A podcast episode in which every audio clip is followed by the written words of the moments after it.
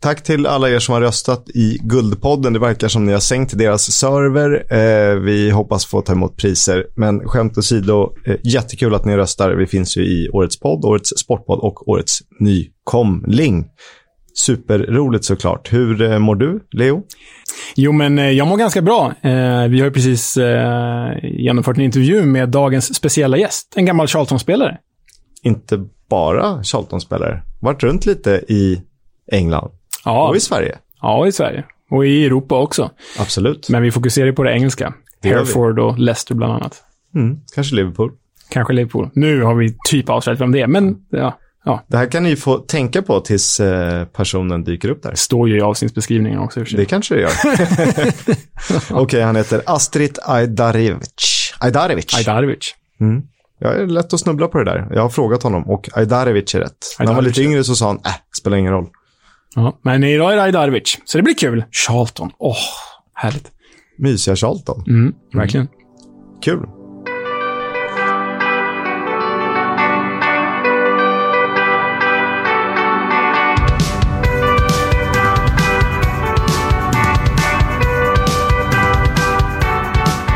Du lyssnar på podcasten Football's Coming Home. Vi pratar mest om Championship. Vi pratar även lite om League 1 och League 2 såklart. Eh, men vi ska börja med att prata om landslagen och det blir lite så att vi fokuserar på de brittiska landslagen och Irland inkluderas i det i vår summering. Viktig brasklapp där, annars får vi eh, arga irländare på oss. Exakt, men jag tycker att jag redde upp det rätt bra. För Vi Verkligen. har redan gått igenom hur, vad Storbritannien är och inte är i Exakt. tidigare avsnitt när vi pratar om Swansea. Vi kan väl börja med England som hade en ganska eh, lätt vecka. 5-0 mot Albanien och 10-0 mot San Marino eh, där en viss Harry Kane gjorde x antal mål. Men det är för en annan podcast. Eh, ganska många som har spelat i Championship eller har en historik därifrån. Ja, men jag såg i, i, från den här San Marino-matchen att eh, åtta av de engelska spelarna som deltog i 10-0 mot San Marino, de har spelat i The Championship 2019 eller senare. Det är imponerande. Det är ju en ganska snabb resa uppåt och det visar ju att, får man ju säga då, mm, nu slåss ju vi för vår sak, men visar ju faktiskt Championships väldigt höga nivå. Att de slussar spelare på så kort tid till landslaget. Och det är ju ingen man pratar med som säger att den skulle vara eh, svag på något sätt, som har en koppling dit. Eh, de som inte tittar så mycket kanske inte tror det, men det är en, det är en fantastisk hög nivå. Eh, sjätte, sjunde liga i Europa, sa någon ganska framstående profil rätt nyligen. Och det är väl svårt att inte hålla med. Ja, nej, men det är ju där någonstans det landar och vi ser ju det med, med det här landslaget då, alltså med Aaron Ramsdale och vilka andra det nu var som faktiskt varit i, i Championship på sistone. Så kul det. England, klart för VM. Skottland är klart för. Playoff. Ditt Skottland. Ja, mitt Skottland. Eller, min, min kusin har ju faktiskt bott typ halva sitt liv i Skottland, så jag har varit där en del. Men 2-0 borta mot Moldavien följdes upp med 2-0 hemma mot gruppdominanten Danmark. Så Skottland kan det bli för Sverige i playoff. Hoppas inte, för de känns ganska heta. Kan det bli det? Sverige blir väl troligtvis sidat och Skottland är väl redan sidat. Jo, men det blir ju slutspel så här, så att i en eventuell final kan Just. Sverige faktiskt få Skottland. Det är så komplicerat så inte ens jag förstår. Ja. Så är det. Wales slog Belarus med 5-1 och eh, när den här podden spelas in har de inte mött Belgien. De är klara för playoff via Nations League. Ja, så det spelar egentligen ingen roll vad de gör mot Belgien, eh, och så vi behöver inte orda om det. Oavsett vad som händer mot Belgien är de klara för playoff Wales. Så är det med den saken. Men det har ju lite med sidningsregler om de får hemma matcher tidigt och så Precis vidare. så. Eh, Nordirland, David Healys Nordirland vill man ju säga ändå. är, det fortfarande, är det fortfarande David Healys Nordirland så här 15 år senare? Är det det? George Bests Nordirland. Ja, det är det väl. Kanske framför allt. Men, eh, ja, eller Will Griggs Nordirland, som det aldrig riktigt var i och för sig. Men eh, de eh, nitade ju, i- inom citationstecken, Litauen med 1-0 och sen förstörde de eh, den italienska VM-festen. Ja. På 0-0. svensk maner. På svensk manér, manér, ja. 0-0. Så Italien till playoff och Nordirland missar ju förstås VM. Det gör även Irland efter 0-0 mot Portugal. Det får man ju tippa på hatten för. Ja, alltså Irland gjorde ju bedrövligt gruppspel inledningsvis. Förlorade mot Luxemburg på... på nej, kryssade mot Luxemburg hemma var det va? Och så förlorade gång efter annan. Men nu de senaste matcherna så har de alltså 0-0 Portugal och 3-0 Luxemburg som före den matchen så låg ju alltså Luxemburg före Irland i gruppen. Så Irland ryckte upp sig, men det, det räcker ju inte det räcker inte alltid att göra sådana saker. Vi ska inte orda så mycket mer om landslaget. Eller jo, det är klart vi ska göra det. Vi har bytt namn på podden från EFL-podden till Mitt Mitrovic-podden. Precis, exakt. Ja, men fan, om det här är våra landslag, de som vi gick igenom, då är ju Mitrovic vår spelare. Så är det väl? Ja. Det är lite tråkigt att, det, att han är så bra, men det går inte att superrelativen räcker inte till. Nej, och för de som, hur man nu skulle kunna missat det, men för de som har missat det så var det alltså ett direkt avgörande möte mellan eh, Portugal och Serbien där det räckte för kryss för Portugal att gå till VM och Serbien behövde vinna i Portugal. Och vem fixar då inte festen i 90 minuten om inte Alexander Mitrogol Mitrovic när han nickade in 2-1 till serberna. Whistle has gone and Serbia have achieved an extraordinary feat.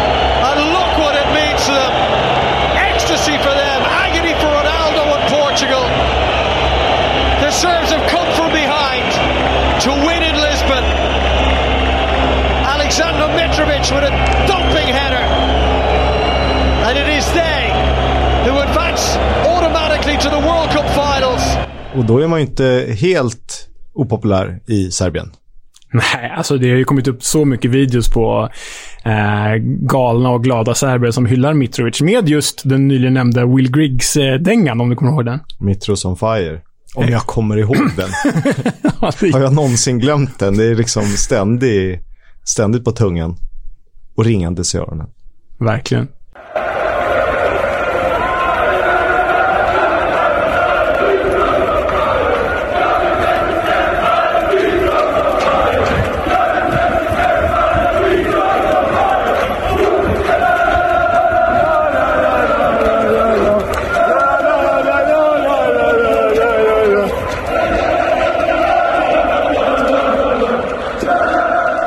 Han fick eh, fira med pizza och några välvalda ord och, och som han är värd det. Men nu ska han hem till eh, Fulham och London igen. Ja, man börjar ju undra. Nu finns ju pengar i Fulham. Dels från eh, ägaren Shahid Khan och eh, dels att de nyligen kom från Premier League och har sin fallskärm. Men fortsätter Mitrovic så här? Är det väl kanske inte helt otänkbart att han hamnar någon annanstans än Fulham? Eller så har han insett sin eh, nivå, att han trivs väldigt bra. Han får vara liksom superstjärna i både liga och lag och eh, vill ge en till chans med Fulham vid händelse av att de skulle gå upp, vilket ändå känns troligt förr eller senare. Ja, så jo, så Under är det. säsongen, om det är direkt eller playoff. Ja. Ja, vi får se. Spännande att följa den gode Mitrogol. Ni har tjatat. Eh, vi har lyssnat. Eh, det var, spelades inga Championship-matcher. Eh, det spelades faktiskt inte så många League One-matcher, för halva omgången blev uppskjuten på grund av just landslagsuppehållet. Så har det varit. Så pass bra är ändå League One som tredje division att eh, de måste vänta för att skicka sina spelare till landslagen. Men vi ska prata lite om det som faktiskt hände i helgen som gick. Mm, det tycker jag. Eh, det sparkades igång på, på fredagen när gamla klassiska Bolton Wanderers tog emot Crew. Bolton vann med 2-0.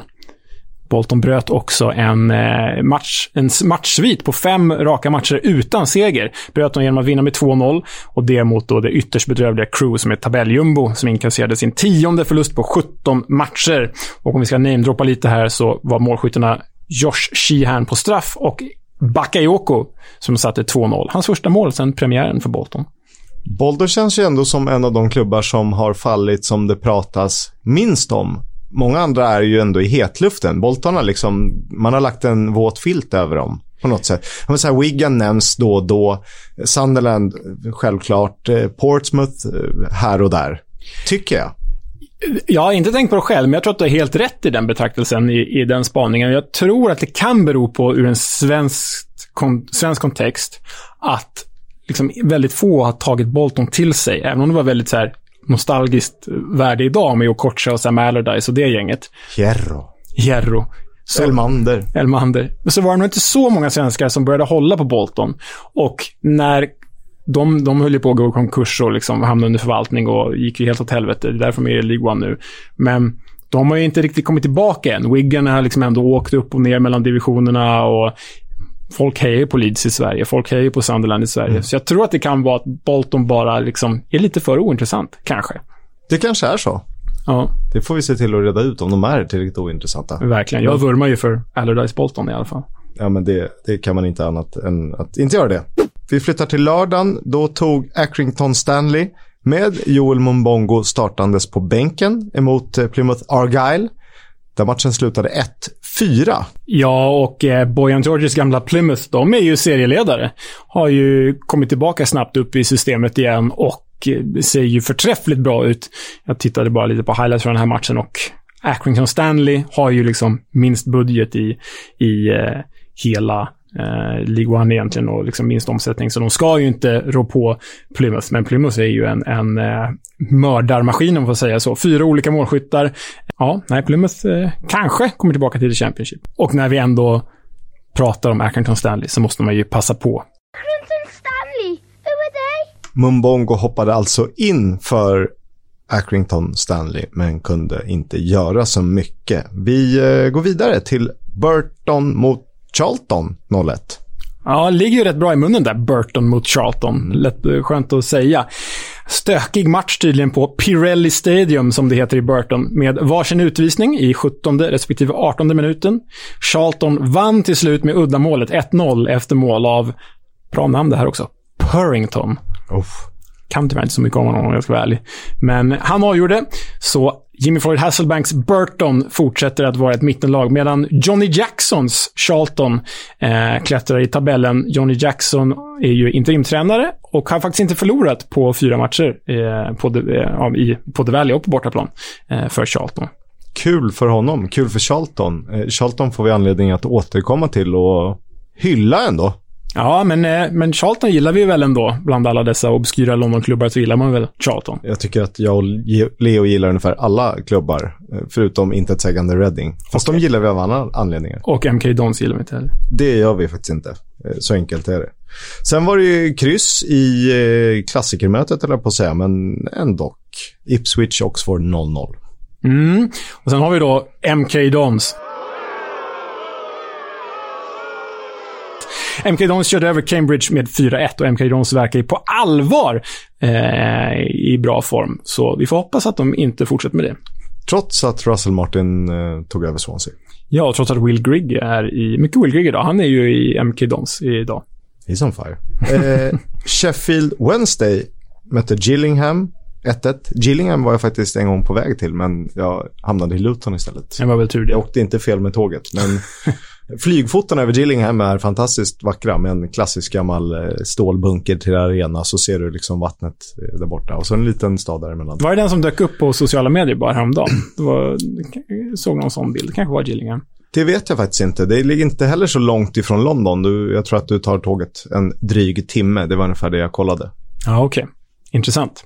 Sen hade vi då Wickham som ju spelade i Championship förra året. De förlorade hemma mot Pompey, Portsmouth, 1-0 till gästerna. Och det var faktiskt bara de matcher som spelades i League One den här eh, omgången.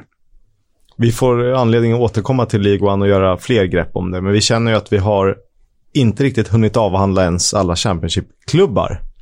Nej. När vi gör ett break. Vi gör ju också landslagsbreak. Exakt. Ehm, jag, jag, tyckte det var kul här, för du, eh, i vårt körschema så har du skrivit eh, väl valda delar av League One-tabellen. Och du hade skrivit ut eh, eh topp 6 och sen botten 3, eh, eller botten 4. Och så hade du plockat ut svenska klubbarna. Men jag kände att jag var nödgad att lägga till några klubbar så att vi verkligen eh, nämner var de här stora namnen återfinns någonstans i tabellen. För de återfinns ju inte riktigt i, eh, i, eh, i toppen eller botten. De finns i mittenskiktet där. Som Leo nämnde så är Plymouth Argyle etta i tabellen och om det här står sig så skulle de via direktplats få med sig Wigan på andra platsen. Mm. Och eh, Wigan är väl en av favoriterna att gå upp. Det är ju inte Plymouth. Sen har vi ju då Victor Johanssons Rotherham på tredje plats. Jätteroligt för Victor. Mm. Supersympatisk målvakt. Hans avsnitt finns lite längre tillbaka i tiden. Vi, eh, jag vet att han kan tänka sig vara med i podden igen. Vi får kanske anledning att återkomma till det. Det tror jag verkligen att vi får. Sen har vi Wickham Wanderers på fjärde plats. Den, det är en arena man måste se, Adams Park. Den ligger ju väldigt häftigt, är någon sån här dalgång, det är grönskande runt om och så är det typ två etage fast ganska liten, tajt. Eh, klassisk engelska arena, det säger de alla. Men... ja, och så länge Adebayo Akinfenwa eh, spelar Wickham så måste man ju dit och kolla. Och eh, Adebayo Akinfenwa, för er som inte har koll på honom, bara YouTube honom. Han väger ju typ 130 pannor och är anfallare på den här nivån. Det är ju rätt häftigt. Världens genom tiderna starkaste aktiva fotbollsspelare. Är det så? Han har det? Till nej, men det kan jag inte tänka mig att någon annan är nej, nej. Han, är. han känns som någon som tar liksom 200 kilo i bänk. Ja, ja verkligen. Och eh, väldigt aktiv Liverpool-supporter. Mycket Liverpool-twittrande på honom, har jag märkt. Man kan ju tänka sig att han blir programledare för Liverpool TV i, lite senare. ja, verkligen. Sen eh. har vi då de onämnbara på femte plats, MK Dons, följt av Oxford på sjätte plats. Så det är alltså playoff. Ja, och det är playoffplatserna. Och sen då för er som undrar över de här stora klassiska namnen. De ligger ju lite och sladdar däremellan. Vi har alltså från plats 7 till 11 har vi Sunderland, Sheffield Wednesday, Ipswich, Portsmouth, Bolton. Ja, här borde ju Sunderland och Sheffield Wednesday ligga betydligt högre upp. Kan man ju tycka. Ipswich är ett lag man saknar. Tractor, Tractor Boys. Ja, ja. Jag vill ha ett East Anglia-derby. Ja, det vill man ha. Men de kan mötas i Championship nästa år. Det är mycket bättre. Ja. Det är typ det jag menar. Ja. Sen har vi ju Joel Mumbongos Accrington Stanley. De ligger på 14 plats. Och för er som undrar var eh, Charlton och Wimbledon ligger, ligger på plats 17 och 18, alltså en bit ovanför nedflyttningsstrecket. Halvsäker mark kan man kalla det. Och om vi tar bottenfyran i kronologisk ordning från plats 21 till 24 så är det Shrewsbury, Fleetwood Town, Doncaster Rovers och Crew Alexander. Och Doncaster då med Sveriges tredje målvakt Pontus Dahlberg näst sist i den engelska tredje divisionen. Vi får hoppas på bättring för hans skull. Han har ju mer i sig känns det som. Verkligen. Sen var det lite speciellt i helgen. Eh, National League, hur förklarar man vad det är? Utanför IFL egentligen ju. Be my guest. Ja, det är alltså divisionen, eh, divisionerna under IFL. Det är motsvarande femte divisionen då. Eh, ja, det är väl det som man brukar kalla för amatörfotbollen. Precis, där det fortfarande finns professionella klubbar. Exakt, och semi-proffs till fotbollsspelare. Exakt så. Och proffs också för den delen. Och eh, vi, den här podden handlar egentligen inte alls om National League, men jag kände att när det var ett sånt bekant namn och ett rekord sattes så var jag tvungen att kuppa in det här. Eh, vi tar med oss ett publikrekord från National League eh, nu från i helgen. Det var nämligen så att Notts County, om ni kommer ihåg dem, gammal anrik storklubb vars dräkter och färger inspirerat klubbar som både Newcastle och Juventus. Eh, de mötte Sully Hull Moors i helgen.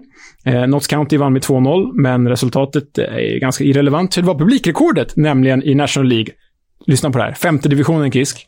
12 843 personer tog sig till Meadow Lane i Nottingham för att se den här matchen. Det är alltså nästan 13 000, vilket hade varit ett, ett, en bra allsvensk publiksiffra. Ja, alltså en väldigt bra allsvensk publiksiffra ändå. För många av lagen hade det varit hur bra som helst och nästan rekord modern, i modern tid. Ja, och det här är då nytt rekord sedan Bristol, Bristol Rovers 2015. Eh, så eh, Svennis gamla lurendrejeriklubb Notts County slog det rekordet. De ligger för övrigt på femte plats i National League. Have you not been watching? I haven't! Om vi tar på svensk glasögonen så kanske den största nyheten var Daniel Kristoffersson, Expressens rutinerade Silly-reporter. Han är ju mer än så, men han är ju eh, nästan oslagbar när det kommer till Silly-nyheter. Och han avslöjade att Poya Asbaghi är nära att bli ny tränare för Barnsley. Eh, och det här var på gång redan 2019 såg jag. Blev ingenting av den saken. Men vi vet ju att eh, Khaled El Ahmad är eh, vd för Barnsley och David Wernersson är klubbsekreterare. Så man kan ju gissa, utan att prata med dem, att de är, har några fingrar med i spelet. Ja, det blir den här svenska invasionen som du eh, pratade med Wernersson om i, i avsnittet om Barnsley. Och det är betydligt lättare att värva en svensk tränare än en svensk spelare, ska tilläggas. ja. Brexit-reglerna. Ja, exakt. Så, så är det ju. Eh, det här är inte bekräftat än från klubbhåll, men blir det Poyas Baggi så i, måste vi inte bara lösa en intervju, utan det blir ju ytterst spännande att följa. För han har ju sin liksom, prägel som tränare. Träna, släppa fram unga spelare och det är därför han var i u landslaget eh, Och det är precis vad Barnsley vill göra. Så det kan ju vara som hand i handsken. Verkligen. På tränarfronten mer då. Steven Morrison tar över Cardiff säsongen ut. Han blev ju interimtränare efter att Mick McCarthy fått lämna sitt uppdrag. Och han var ju assisterande redan till Neil Harris i Cardiff, om jag inte missminner mig. Jaha, Det var ja. hans eh, första tränaruppdrag, eller liksom tränargärning. Eh, och rapporterna från Wales säger att eh, han, vill, eh, han förespråkar en mer anfallspräglad fotboll, kanske lite mer modern än den Mick McCarthy har försökt få in. Och att man redan har kunnat se någon liten skillnad, men det är ju supportrar och tyckare som alltid vill se någon slags förändring, att de kanske tittar på det sättet. Ja, det blir intressant att följa det där. Det kändes som att de inte riktigt var, hade fattat ett beslut kring McCarthys efterträdare, men de kanske hade gjort det då med, med Morrison. Vi får se. Det blir spännande att följa. Sen är det ju så att eh, vi kommer till en spelare som inte alla kanske minns, men kommer du ihåg mittfältaren Joe Ledley? Skägg. Ja, Skäggig Crystal Palace-spelare. exakt så. Walesare. Walesare. Landslagsman. Eh, gjorde ju någon, något slags internationellt genombrott med EM 2016 när han var en given pjäs i, i Wales då, när de gick till semifinal. Eh, mastodontskägget, ja precis. Eh, han är fostrad i Cardiff och har ju spelat i klubbar som Celtic, Palace, Derby och så vidare. Han lägger nu skorna på hyllan eh, och gör det med ett fint inlägg på Instagram där han eh, tackar sina forna klubbar och lagkamrater. Skriver också ett litet fint stycke om, om ja, men varenda klubb han representerat. Men så avslutar han rätt roligt. Citat. Then there is the Wales national team. My beloved Wales. I can never imagine retiring from international football, so I will forever remain available. Please don't take me home. Det är ju otroligt. Det är roligt ju. Är, man vill ju att det ska bli så att han eh, dyker upp på en landslagssamling. Verkligen. Eh, Han stod ju där eh, för några år sedan, det ju på sociala medier, när han stod och dansade någon cowboydans i omklädningsrummet för att fira en Wales-seger. Så han verkar ha Wales väldigt nära hjärtat. Och apropå Joe Ledley så hittade jag en ytterst märklig hyllning till honom. Därifrån tiden han spelade i Celtic eh, och då var det de så kallade The Thai Tims, alltså en typ thailändsk skolklass, som spelade in denna dänga i Joe Ledleys eh, ära.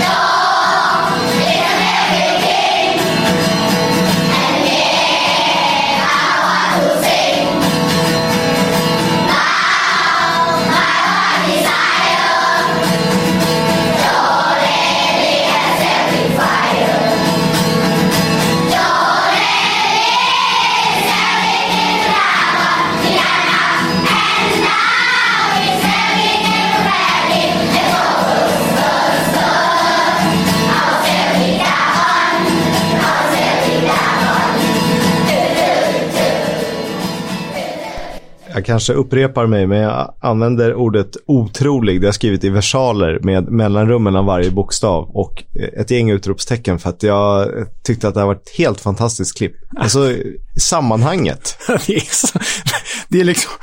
Det är ju det här att det är en thailändsk skolklass Ja. som sjunger om Joe Ledley i Celtic.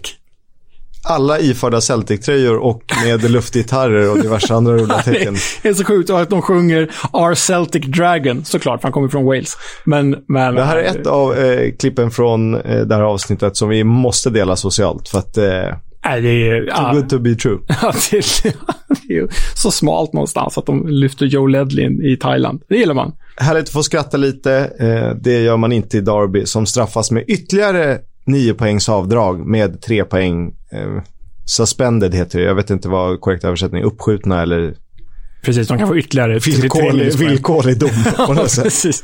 Så nu har de minus 21 totalt då. Eh, De har fått minus 21 i bestraffning, kan få minus 24. Ja, vilket betyder att de just nu har minus 3 poäng och det betyder att de är 14 poäng efter Barnsley som är näst sist, eh, som har 11 totalt. Och det är omöjligt. Ja, det är omöjligt. Alla hopp vi någonsin hade när de bara fick 12 poäng minus, de, de är ju borta nu. Derby kommer att komma toksist här. Ja, de hade ju 44 poäng eh, förra eh, säsongen när de klarade sig kvar med nöd och näppe om de var 43. Ja, då skulle de behöva spela in 47 poäng till. Ja, nej, det, det kommer ju inte att hända. Men för Derby är ju liksom frågan existentiell numera. Det handlar ju om överlevnad oavsett division. Och Inte... det får vi hoppas att de får in lite ordning där. Som var vi inne, jag tror till och med att det var du som sa det, ganska bra. Att här, det kanske är bra. Rensa bort dödkött och få ordning på det här. Någon trygg hand. Och sen bygga underifrån. Vilket inte är någon garanti. Men i vissa klubbar kanske det är, det är ett nödvändigt ont. Ja, men kolla på, på Wigan nu till exempel. De mår ganska bra efter att de stöptes om liksom, och ombildades. Sen tar det ju tid och då måste man ha tålamod. Då kan man sätta liksom en tioårsplan på att så här, ja, men, det är då vi ska vara tillbaka i Premier League. För även om vi vill ha dem i Championship så kanske de själva vill se sig i Premier League. Ja, så är det ju. Och sen ska man ju säga att Derby, de kanske inte Leeds i storlek, men Derby är ju strax därunder. Så Derby är ju en större klubb än Bolton, än Wigan, än Portsmouth, än Wimbledon, som alla har behövt ombildas liksom. Så det finns nog en större attraktionskraft för en extern eventuell köpare då att faktiskt satsa på ett Derby där det finns så mycket runt omkring bakom klubben som faktiskt kan lyfta upp den igen. Och det som är positivt får man väl säga är att finansiella oegentligheter kring fotboll får sig en känga.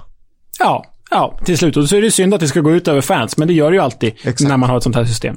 Och ju fler som drabbas, desto fler som lär sig till framtiden. Sen är det såklart mycket vi inte märker. Det är förmodligen toppen av ett isberg. Ehm, men ehm, sånt är tyvärr livet. Vi, vi lider med Darby såklart och hoppas på snabb tillfrisknande. Ja, verkligen. Heja Darby.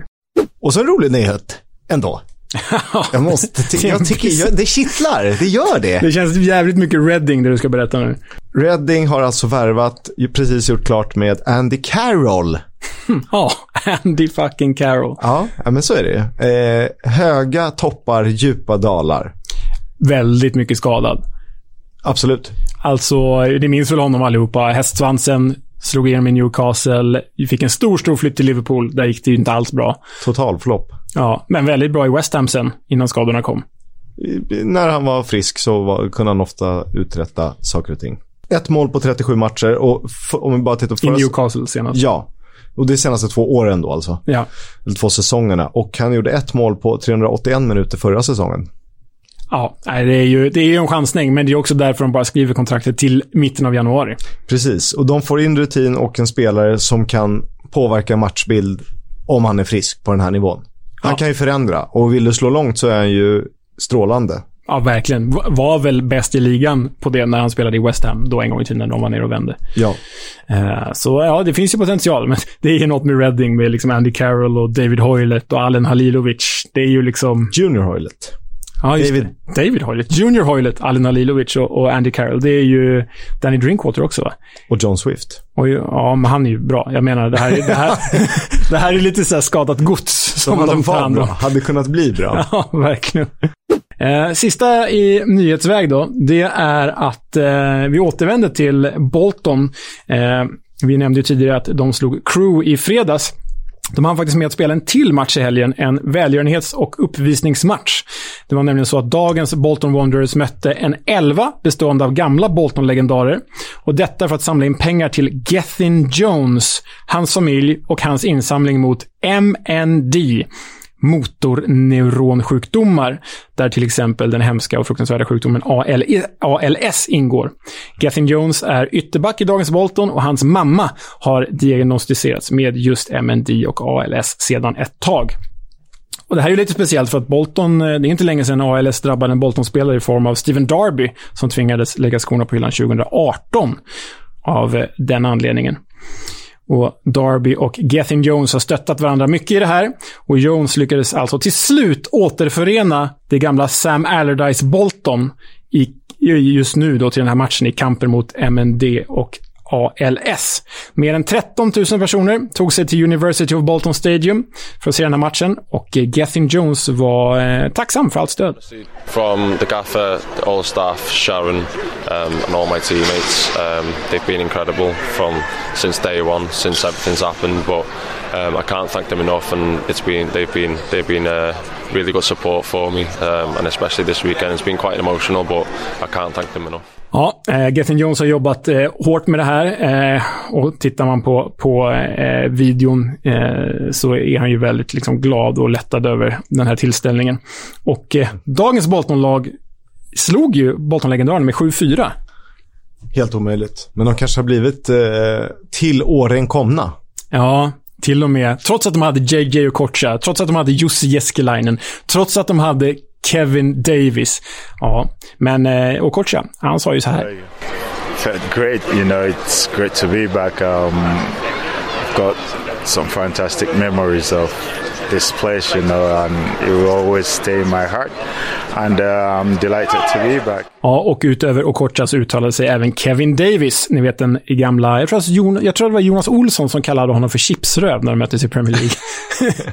den gamla chipsröven, han sa så här. Yeah, it's been brilliant. I've, you know, been excited uh, last couple of weeks building up to it, trying to do a bit of fitness and get in some decent shape. But uh, I've been retired a few years, but you know, coming back, it's kind of coming home for us all, really. Not me, uh, but my family as well. So um, just great to see all the players, it's great to see all the fans obviously Staff people that volunteered to come in and help today. Um, too many thank yous, really, Paddy. You know, it goes on and on, doesn't it, with Big Sam, and um, and we know why we're all here as well to raise lots of money, which I think over the weekend we've done a fantastic job with the amazing support that we've always had here. So, um, been a brilliant weekend. Really enjoyed it. Det var ju minst sagt stjärntätt och den typen av stjärnor vi älskar att återkomma till. Eh, som kanske inte var stjärnor, men stjärnor i den typen av lag som Bolton. Ivan Campo, Stelios Giannakopoulos, Ricardo Gardner, Jussi som vi nämnde.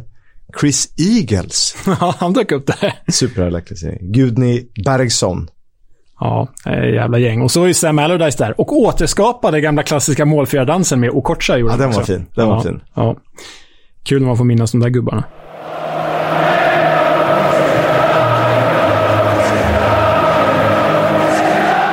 Fotbolls Coming Home sponsras av Stryktipset, ett spel från Svenska Spel, Sport och Casino. För dig över 18 år. Stödlinjen.se. Lördag 16.00, Huddersfield Town mot West Bromwich Albion. Och i sina bästa stunder två lag som kan spela attraktiv, underhållande och effektiv fotboll, men som haft en relativt tung period bakom sig. Fem respektive sju poäng på de fem senaste.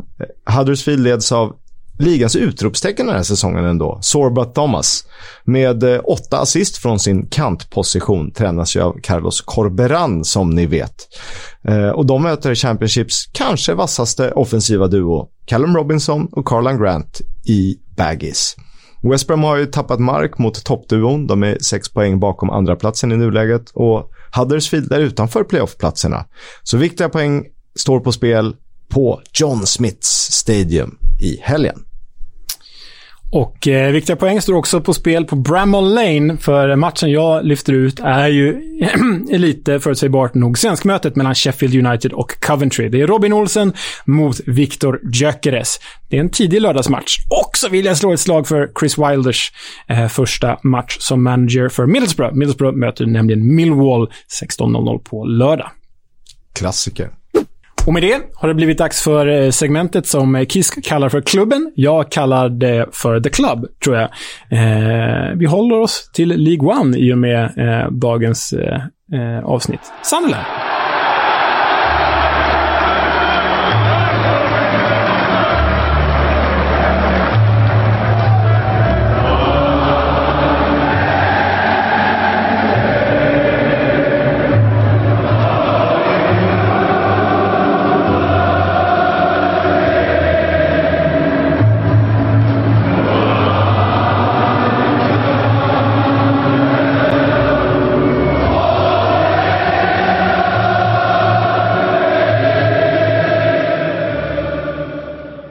Klassisk låt.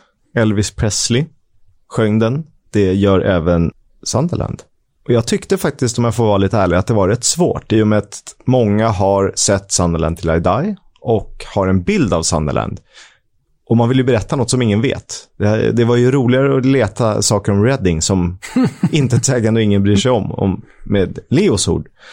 Men vi börjar där det började och det började som District Teachers Association Football Club under ledning av James Allen 1879 och bara lärare var välkomna.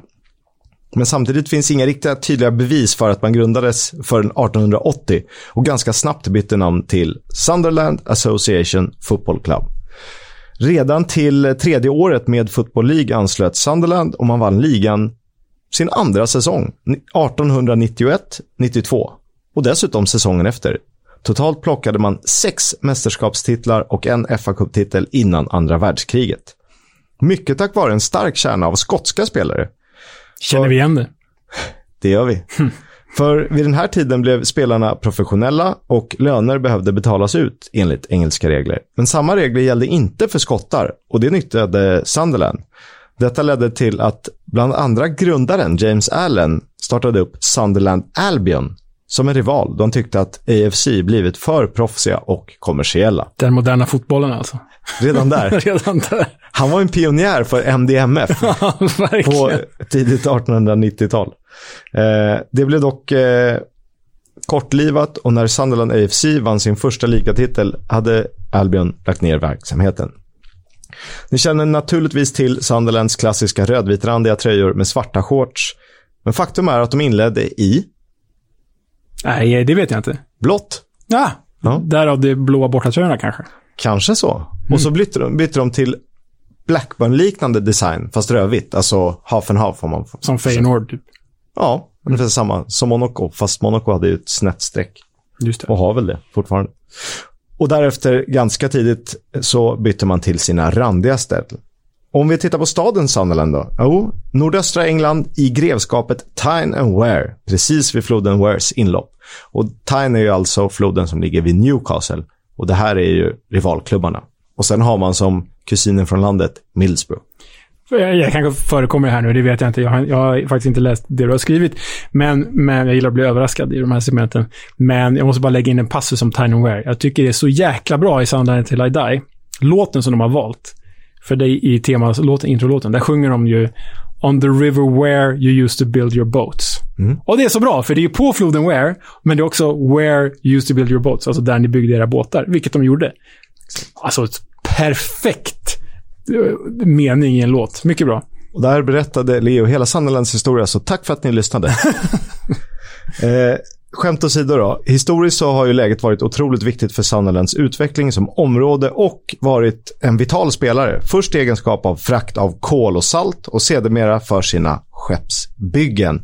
En gång i tiden faktiskt världsledande i sitt skrå som fartygsbyggare. Ja.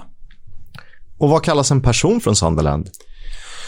Eh, det ska man väl kunna. Ehm, det är klart man ska kunna det, men eh, För är nej. man från Newcastle så är man en Geordie. Eh, Exakt. Och är man från Sunderland så är man en Mackem. Ja, det är man ju, såklart.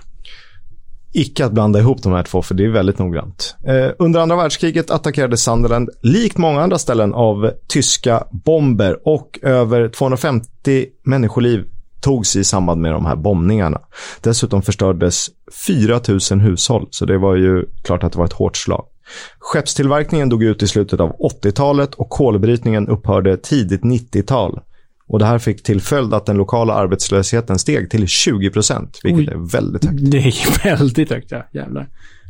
Men vi ska prata fotboll i den här podden och Sunderland hade alltså vunnit sex ligatitlar och FA-cupen när vi nådde år 1937. De tillhörde Division 1, alltså högsta divisionen, från sin start till och med 1957. Därefter var det sex år i tvåan, sex år i ettan, sex år i tvåan. Och nu är vi framme vid mitten av 70-talet. Om vi backar bandet till 1972-73 så hände kanske det största, eller det största hände i Sunderlands moderna historia. För jag kan inte, även om man kan stapla titlar och säga vi har vunnit ligan si och så många gånger oavsett land. Så de titlarna där och då, 1891, kittlar ju inte lika mycket som de som kommer senare. Typ 80-90 år senare. Så är det ju. Om man ska bara se fotboll som titlar. Och det är det nat- naturligtvis inte. Nej, nej, men så är det ju. Och eh, här finns det möjlighet att göra just det, som, eh, som kanske inte gör för klubbar som Preston då, som bara var bra på 1800-talet. Första mästarna, kom, ingen kommer kunna ta ifrån dem det. Men ändå, det såg lite annorlunda ut. Ja, verkligen. Flera trotjänare hade förvisso lämnat klubben inför den här säsongen. Namn som Len Ashurst, Stan Anderson och Charlie Hurdley. Som vid den här tiden tränade, vem då i Reading? ja, vår kompis, Robin Ja, Friday. Exakt. Ah, Och vi måste stanna vid, vid Hurley lite kort. Han är född i, i Cork på Irland, debuterade som 17-åring för Millwall och såldes för då ganska stora summan 18 000 pund, blott 21 år gammal, till Sunderland. Trots att han inte visste var Sunderland låg. som Robinho, kysste klubbmärket. Eh, och när supportrar till Millwall skulle rösta i magasinet Lions Roar 2007 kring klubbens främsta spelare, då vann han. Alltså mer än 50 år senare. Oj. De flesta hade förmodligen aldrig sett honom. Före Nile Quinn, liksom. Före Kevin Phillips. före eh, Tim Cahill. Han hade väl varit där 2007. Tim Cahill? I Millwall. Ja, Millwall. Jag tänkte Sunderland. Förlåt. Ah, ja. Millwall. Ja. Men vi kommer till eh, Sunderland också. En kraftfull försvarare med namnet The King, eller smeknamnet The King. I Sunderland blev han snabbt populär och 1964 kom han tvåa i Football Writers Player of the Year, slagen av självaste Bobby Moore. Och när Sunderland skulle rösta om 1900-talets främsta spelare fanns bara en vinnare. Charlie Hurley. Men Före Niall Quinn och Kevin Phillips. Där kom det. där kom det. Jävlar. Orden rätt. Eh, tillbaka till 1972-73 då. Ja, det var klubbens tredje raka säsong i Division 2 och efter en rätt trög start med svag placering hade manager Bob Stoko tagit över rodret i november. Det speciella med honom, han gjorde 13 säsonger som spelare i Newcastle. Med höjdpunkt i FA-cupsegern 1955. Och här skulle man vilja ha en fråga. Hur många spelare spelat för båda? Men det får ni googla själva. Spelet i ligan var okej och blev bättre under Stoko. Men i FA-cupen, där imponerade The Giant Killers. Och lustigt nog blev det kryss i tredje, i fjärde och i femte rundan. Borta mot Notts County spelade man 1-1 innan man vann med 2-0 på Roker Park. Sen väntade hemmamatch mot Charlie Hurleys Reading. Han hade ju lämnat Sunderland för Bolton 69 och 1972 blivit manager för Royals. Och efter ett varmt välkomnande tillbaka från sina Mackems löste Reading 1-1 innan det blev omspel på Elm Park. Där vann Sunderland med 3-1 och nu väntade Manchester City. Oavgjort 2-2 på Main Road och Sunderland tog hjälp av hemmastödet för att vinna med 3-1 och således kvalificera sig för kvartsfinal mot Luton Town. Stabila 2-0 där. Och nu väntar den hittills tuffaste uppgiften. Ett Arsenal som vann dubbeln 70-71 blev femma och fa Cup-finalister året därpå. Och senare samma säsong, 72-73 alltså, slutade man tvåa i högsta divisionen. Spelplats var Hillsborough i Sheffield och Sunderland kom dit med nyinspelade låten Sunderland all the way.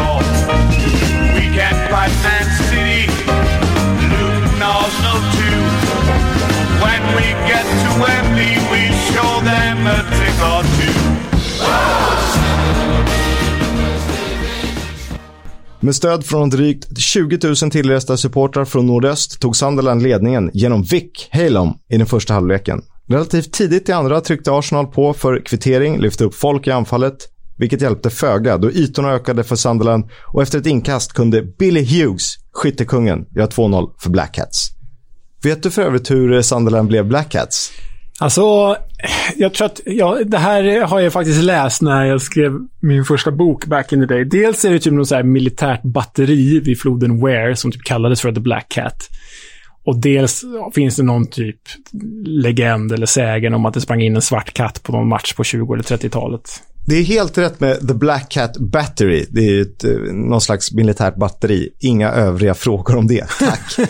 Men det kommer ifrån att Joshua Dunn, som var en eh, lokal militär, eh, år 1805 ska ha känt sig jagad av en ylande svart katt under fullmånens ljus och således ansett det vara utsänd av djävulen. Ja. Så då blev det Black Cat Battery och har sedermera använts ofta i liksom, olika anspelningar när det kommer till just staden Sunderland och laget. Men det var först för 20-25 år sedan som Black Cats blev det officiella smeknamnet. Tidigare kallades man Rokerites, för man spelade på Roker Park. Roker Park, just det. Och så är det med det. Tillbaka till semin då. Arsenal fortsatte trycka på och fick till slut in en reducering trots att Jimmy Montgomery storspelade i Sunderlands mål. 2-1 slutade matchen och Bob Stoko var Messiah för alla Mackens. För första gången sedan 1937 skulle Sunderland spela på Wembley. It's all over. There aren't enough seconds, and Sunderland are through to Wembley. The side that has lived of late on the rising passions of North East football have given the North East what they've so dearly wanted, and the Sunderland fans are going crazy, and the photographers in their hundreds are surrounding Bob Stoker in that Sunderland bench, the man who has revitalised and transformed football in the Northeast. Sunderland, the deserved winners of this semi-final. Arsenal 1, Sunderland 2, and the hugs are for manager... Och om det kändes motigt att ställas mot topplaget Arsenal som andra divisionslag, nu väntade mäktiga Leeds, på den här tiden en dominant i engelsk fotboll. Mellan 69 och 74 slutade man i First Division etta, tvåa, tvåa, tvåa, trea, etta. Dessutom tre fa Cup-finaler, varav en seger och en semifinal i Europacupen 1970. Det var ju topplag i Europa vid den här tiden. Ja, ja, men bland de bästa Ja. i, på hela kontinenten ju. Exakt. Och intressant att båda lagens managers möttes som spelare i fa Cup-finalen 55. Då vann Stokos Newcastle mot Don Revis Man City. Men det sjukaste är nog Sunderlands uppladdning. fa Cup-finalen spelades 5 maj 1973. Mellan 10 och 30 april, det är alltså inom loppet av 20 dagar, då spelar man åtta ligamatcher. Oj, jävlar. De spelade till och med back-to-back. Två dagar i rad spelade de ligamatcher. Oj, hockey fast fotboll. Fast bara rörigt. eh, och till matchen då. Ja, det var samma namn som figurerade hela cupsäsongen för Sunderland. Billy Hughes, Vic Halom, kapten Bobby Kerr och Ian Porterfield. Porterfield som efter en hörna av Hughes och assist av Halom distinkt tryckte in 1-0. Och sen kom det mesta att handla om målvakten Jimmy Montgomery och hans backfyra. As Sunderland crowd them out. Reaney, the high one in, and Terry going in, and a great save, and a goal. No! My goodness, I thought Laramie got that one. Vi, vi måste ju dela hans galna dubbelräddning socialt. Den första är ju liksom en rutin, men den andra, jag vet inte ens hur han hinner tillbaka och vispar till den där. Och sen är det en Leeds-spelare som liksom ska försöka klacka den tredje returen och det går inte alls. Och de löste det här. De vann matchen trots massiv Leeds-press. 1-0 inför 100 000 åskådare. Och eh, Montgomery finns avbildad på en väggmålning i Sunderland med bucklan tätt intill sig. Och det sägs att Wembley aldrig haft lika extatisk känsla eller så högt segerjubel från folk som varit på plats på flera finaler. Nearly two minutes of injury time, and again the bench is urging everybody to go back, and Sunderland have done it! Stoke can't believe it, but Sunderland from the second division. Going, Bob Stoko? To Jimmy Montgomery, the goalkeeper who's punching and saving, saved the day for Sunderland. The most surprising result that Wembley has probably seen in its 50 years of FA Cup finals. Porterfield, the man who scored it, and Watson, the man who stopped Leeds United from getting an equaliser. The unbelievable. Vad är det som är så speciellt? Jo, Sunderland var alltså första lag sedan West Brom 1931 att vinna från andra divisionen. Hittills klubbens enda titel efter andra världskriget. Deppigt. Och den enda klubben på 1900-talet att vinna utan någon A-landslagsman. Även om vissa representerade sina landslag senare. Och hur gick det sen? Ja, det vet ni ju. Men Sunderland fortsatte att åka jojo mellan divisionerna och var till och med nere, nere i trean och vände. En säsong i Premier League på 90-talet innan man återvände mellan 99 och 03. Tillbaka 05-06 och därefter en Mick paus. McCarthy. Whoop, whoop. En paus till 07-08. Och när jag tänker på Sunderland så är det ju två spelare man tänker på. Du har nämnt dem två gånger. Eh, en gång i fel sammanhang, men det kunde inte du tänka på. Det är alltså Kevin Phillips och Nile Quinn. Ett hederligt gammalt anfallspar med näsa för mål och att hitta varandra i rätt ytor. Ja, men verkligen. Som, som eh, en klassisk, eh, på italienskt fotbollsspråk, primo seconda punta. Liksom. Stor stark jävel och en liten rapp jävel.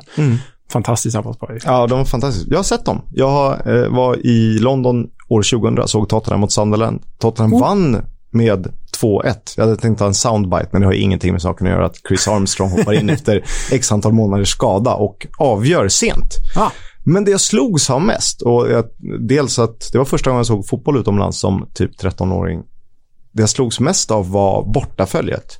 För Sunderland har helt sjukt bra tryck. Alltså matchen igenom. Och sen vet vi att på bortamatcher så krävs att du är en lojal supporter. Alltså har du fått poäng utefter hur många matcher du har sett historiskt. Så att då belönas du och därför är de, de bästa supporterna röstmässigt och som åker rätt ofta. Kolla på till exempel Manchester United. Det är ju inte turisterna inom citationstecken som är på bortamatcherna. Nej. Men jag, jag blev djupt imponerad. Jag satt nästan lika mycket och tittade på bortaklacken som jag kollade på spelet på White Hart Lane. Eh, både Nile Quinn och Kevin Phillips blev mållösa i matchen.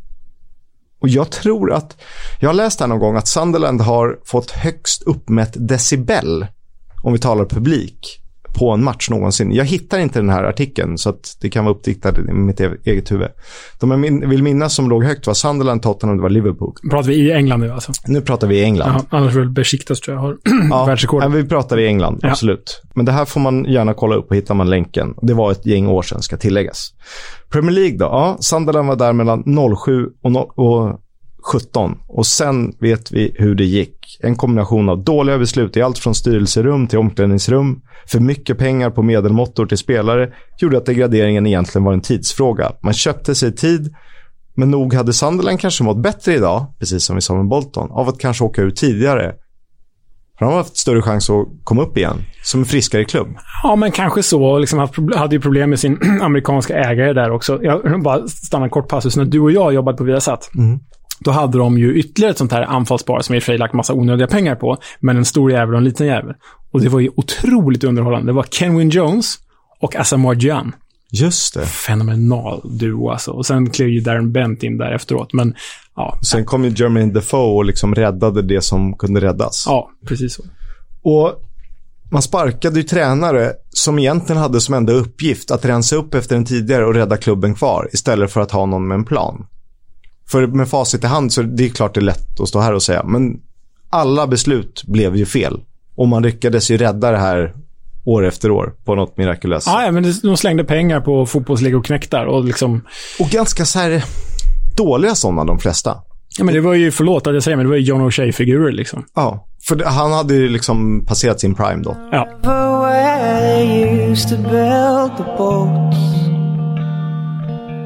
By the harbor wall, the place you loved the most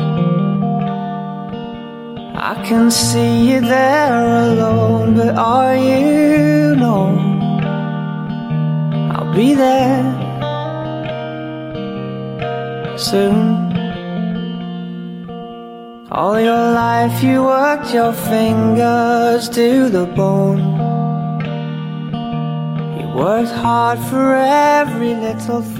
Vi hörde Leo recitera eh, en del av det. Ni känner igen introt. Det är Sunderland till I die. Och den gjordes ju med hopp om att klubben skulle gå upp igen. Att det skulle bli en positivt laddad dokumentär. Så var ju hela caset. Eh, så blev det inte. Det blev League One direkt för Black Cats. Där man ju nu gör sin fjärde säsong i tredje divisioner. Naturligtvis med en dröm om att komma tillbaka. De är ju sjua när vi spelar in det här avsnittet i League One. Och om vi stannar vid supportrarna. De är många och de är, är mestadels i nordöst. Men de har också en officiell supporterförening i Nordkorea. Nej. Jo! Nej. True story. Och varför då? Eh, det är en kille som heter Tom Fowdy som är född i Sunderland, men numera är han arrangör av turistresor till Nordkorea. Och Ja. eh, jag kan skicka länk, det finns bevis och så här. De har skrivit om det själva. Det här var alltså en målsättning att invånarna skulle, i Nordkorea skulle få upp ögonen för Black Cats, bland annat genom gåvor av souvenirer. jag vet inte, så här, hur ska de se matcherna? Får de ens resa till England? Nej, och, s- och sen är det väl liksom, de gillar ju att frisera resultat där har jag förstått. Så de lär väl inte vilja visa att... Sunderland åkte aldrig ur. Nej, exakt. Men ja, de ligger sjua i världstopptabellen, inte i League One liksom. I Super League. Ja, precis. Vi, eh, vi ska knyta ihop den här lilla Sunderland-säcken. Det kanske finns saker jag har missat, eh, men en grej har vi inte pratat om. Svenskarna. Och så vitt jag vet är den här den engelska klubb som haft flest svenskar. Jag får det till tio stycken.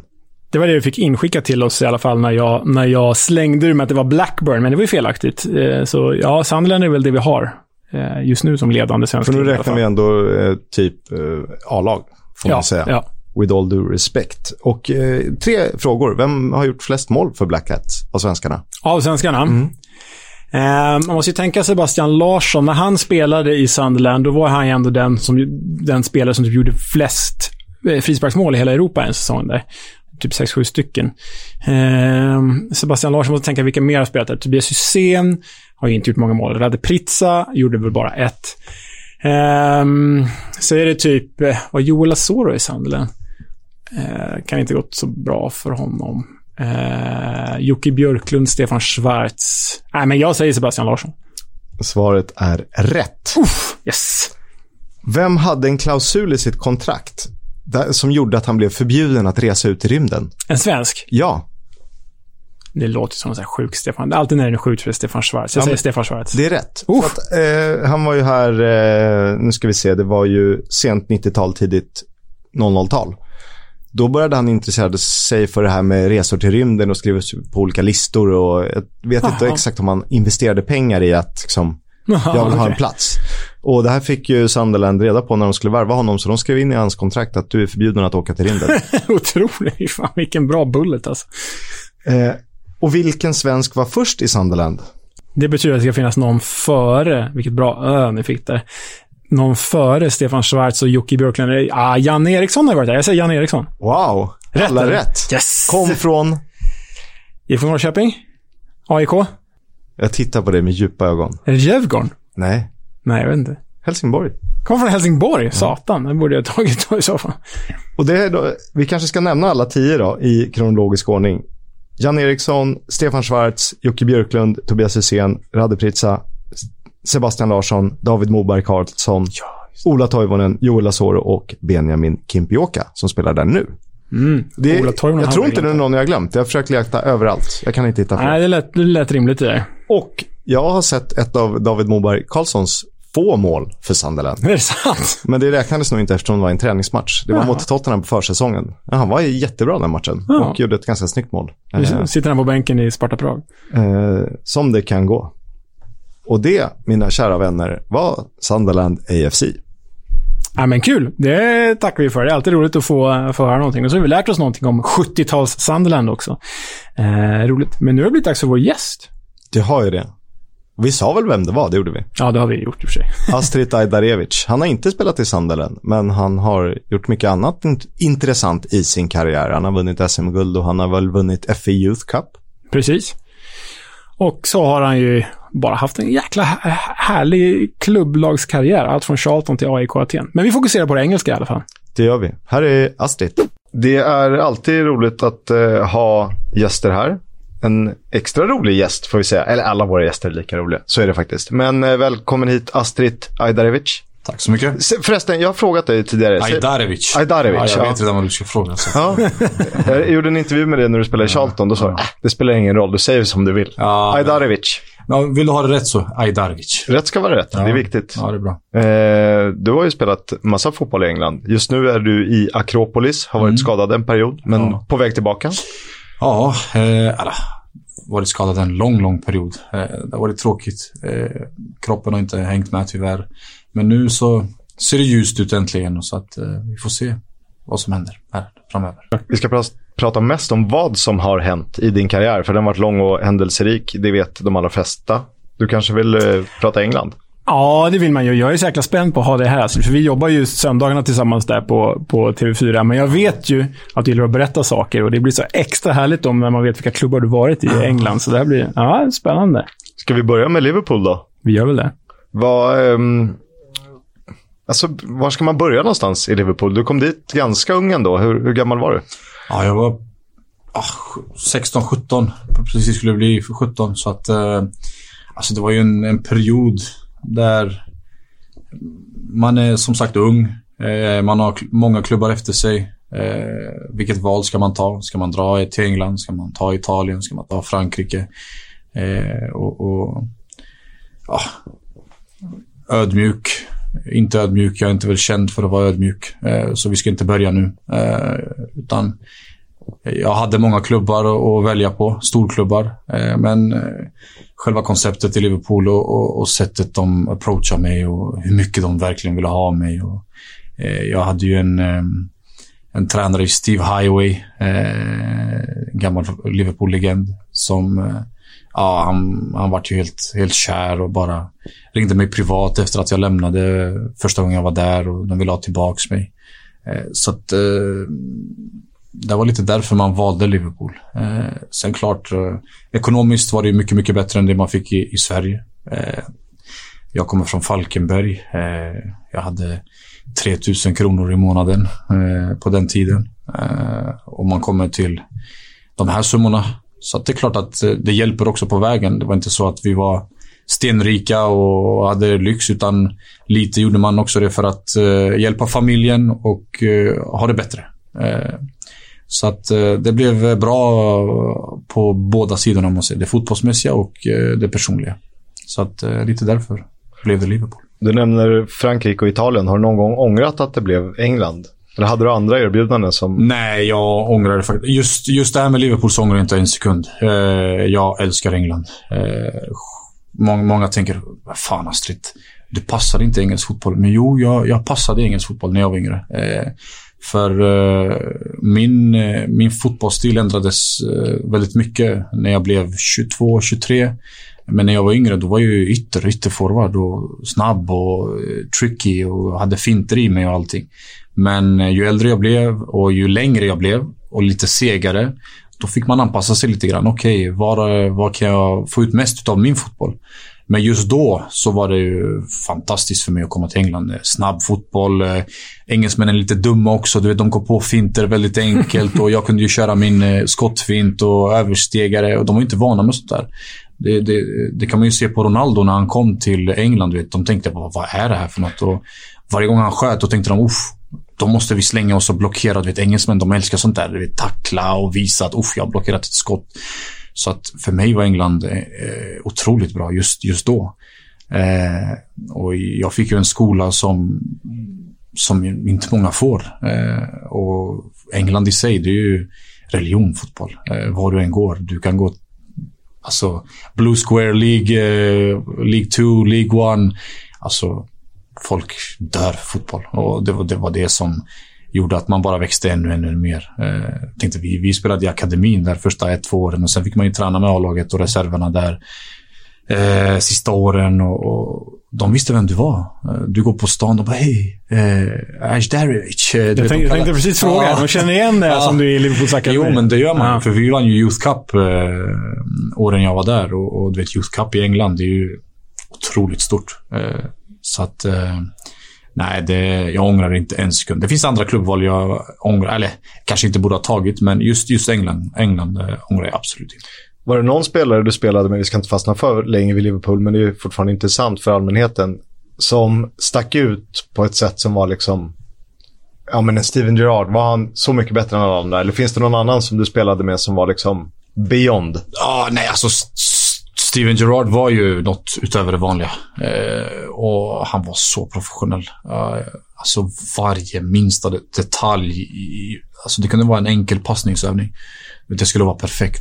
Eh, jag gjorde någon fel en gång, okej, okay, fine. Men två, tre gånger, då fick man höra det. Och eh, han var, nej, helt otrolig att se på. Jag kunde liksom stå still där och bara wow.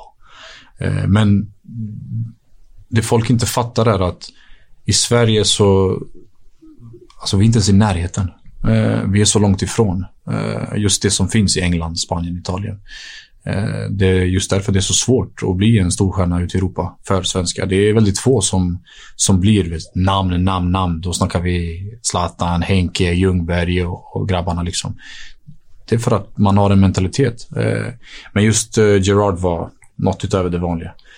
Sen så kan vi ta och nämna en annan som var otroligt bra, men helt jävla dum i huvudet. Det var ju Jermaine Pennant. Okej, okay, det här vill man veta mer om. Varför han dum i huvudet? Ja, ah, alltså killen... Snackar vi fotboll? Alltså helt annan nivå. Hans högerfot. Folk snackar Beckham, Beckham, Beckham, men alltså Jermaine Pennant, han är där uppe. Han kunde säga liksom, han kunde lägga en flaska på balkongen på Melwood och var typ så 70-80 meter ifrån. Han bara, ah, bottle up, bye uh, guys. Och så sköt han 70 meter och så träffade han den där jävla flaskan. alltså nej, men alltså på riktigt. Det är sjukt, det är sjukt att dra det. Jag har faktiskt varit på Fulham Wigan i Championship. Oh. När han spelade i Wigan. Oh. Två frisparkar, två mål. Ah, alltså, nej, nej. Alltså den där killen, han, han hade show. Men hans problem var ju utelivet och kvinnor och allt det här. Och han var inte professionell för fem öre. Eh, så han, det var ju det som dödade honom helt som fotbollsspelare. Tyvärr. Man blir nästan lite sorgsen när man hör något sånt där. Ja, men verkligen. could have been? Ja, what could have been. Han var ju, han var ju stora klubbar, Liverpool och Arsenal och sådär. Men ja, som sagt, senaste gången jag såg honom så knorrade han in en frispark för Wigan. men om man tittar på de, de, eh, det ungdomslag du spelade med, ert Mm. akademilag liksom. Där fanns det ju lite, när jag tittar bak, lite härliga namn som IFL-klassikern Jay Spearing dyker upp. Ja. Lee Peltier som var ett högerback i Leeds och West Ja. Bromwich. Va? Var det någon där i liksom din generation som du kände, jäklar vilken spelare? Alltså, det, inte någon som jag kan säga på rak arm, oh han här kommer bli jättestor. Nej, det skulle jag inte vilja säga. Eh, du nämner Jay. Jay var ju en, en, en dålig version av eh, Steven Gerrard. Eh, det är ett egen produkt. Eh, har den här mentaliteten, scouser eh, mentality. Eh, Okej liksom, eh, okay spelare. Det är därför han är på den nivån han är idag. Eh, hade han varit bättre, då hade han varit i Premier League. Eh, och stannat kvar i Liverpool. Men eh, han, han fick ju en skjuts på vägen just på grund av att han var egen produkt. Och, då, då, och de, de är ju måna om sina egna produkter i England. De älskar ju när det kommer fram en engelsk kille och han är någorlunda bra. Och då, då, ja, men då, då ska vi ge honom en extra chans. Liksom. Eh, men Jay var, han var duktig, men inte någon som man tänker uff, wow. Eh, så att, eh, ja. Sen har man ju Martin Kelly, han är ju Crystal Palace nu. Det är inte Championship eller något. Men Martin var ju en, utan tvekan en av de bästa mittbackarna jag har spelat i. Han hade ju otur när han var yngre. Han hade ju skada efter skada. Men sen, sen fick han ju bukt på det på senare år. Eh, men han är väl den som jag kan säga på rak arm har varit eh, den som imponerat på mig mest. Eh, utifrån de som jag har spelat med som, när jag var yngre. Det är ett jävla bra namn att Martin Kelly dyker upp. Han känns väldigt så här, eh, känns väldigt Han genuin. borde spela i Championship. Han borde inte spela. Ah, lite, lite så. Synd att han är för bra för ligan bara. Men, men eh, du nämnde det att de gillar ju som Spearing då sina unga engelska killar och sådär. Kände du någon gång att det kanske låg dig i fatet att du inte var engelsk medan de, liksom lyft, de ville lyfta engelska spelare? Kände, kände man av det någon gång eller? Eh, Nej, alltså jag har sagt eh, i andra intervjuer också. Eh, anledningen till att jag inte lyckades var helt och hållet mitt fel. Eh, inte någon annans fel, utan eh, de älskade mig. Eh, de försökte verkligen att få mig att lyckas. Eh, men eh, just då, jag var i en ålder där mellan 16 och 19 där livet blev Fan vad nice det var här. Eh, man fick lite uppmärksamhet, eh, man tjänade lite mer. Man fick lite hybris, eh, huvudet blev lite större. Eh, och jag var inte professionell nog för att, för att lyckas. Så att, klart. Det krävs två för att dansa tango, absolut. Men merparten av, av varför jag inte lyckades var, var mitt fel. Eh, så att jag har aldrig varit den som har skyllt ifrån mig. Eh, varför jag inte lyckas eller varför jag inte varit bra eller, eller såna här grejer. Utan jag vet när jag är bra, jag vet när jag är dålig. Jag tror det är därför det, det är många som säger Fan, du, du är ändå rätt så ärlig. Och när du är dålig, då är du dålig. När, när du är bra, då är du bra. Och jag, jag har inte tänkt börja nu. Eh, så att jag, jag, kan, jag, jag kan lika gärna sitta här och säga Nej men det var hans fel, det var en dålig tränare eller någonting. Ja, det fanns säkert anledningar till varför det var som det var. Eh, jag kan säga till exempel att Steve Highway och Rafa Benitez aldrig kom överens eh, om hur akademin skulle skötas. Ja, det stämmer. 100 procent. Men eh, har du kvaliteten och, och, disciplinen nog, då kommer du ändå få chansen till slut. För att eh, en bra tränare kan inte blunda för, för ren och skär kvalitet.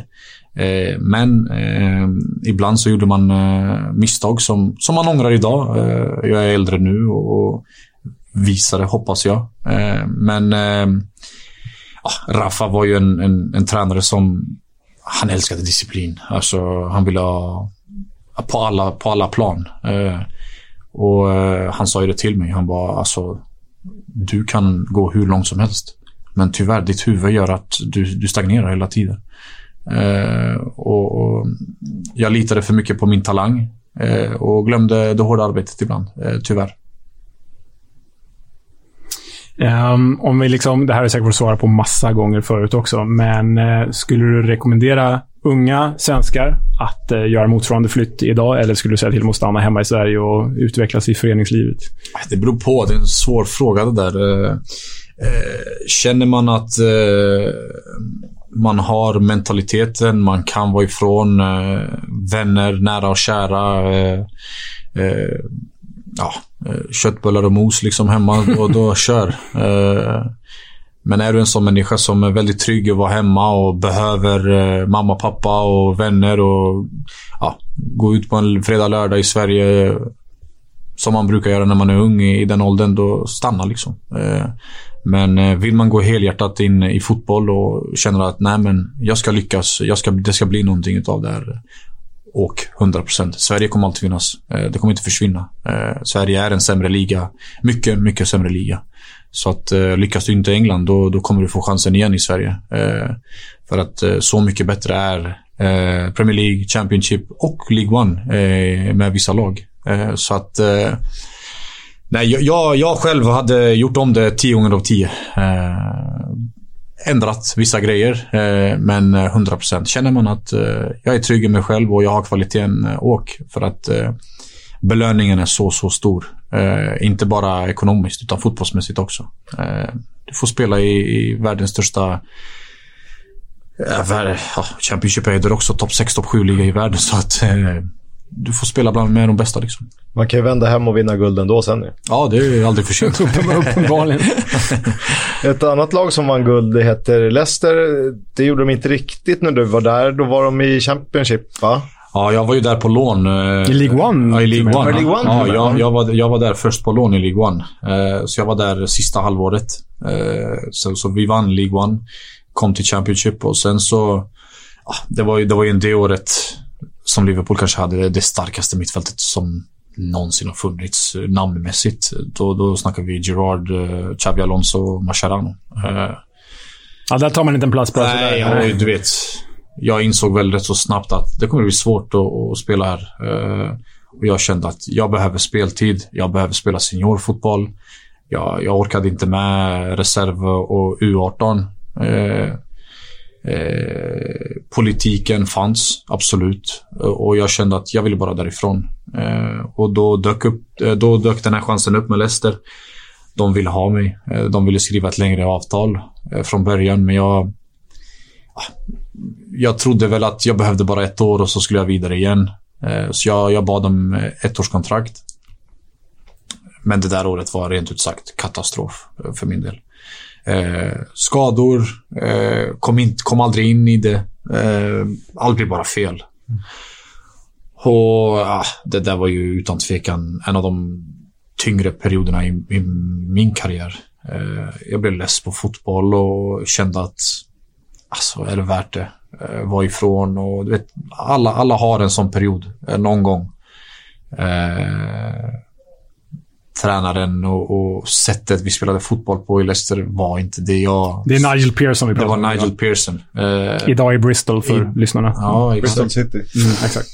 Eh, så att... Eh, nej, det, det, det, blev bara fel. Eh, så att jag gick ju på lån eh, från Leicester till Hereford efter mina två första skador. Så jag drog upp mitt baklår tre gånger det året.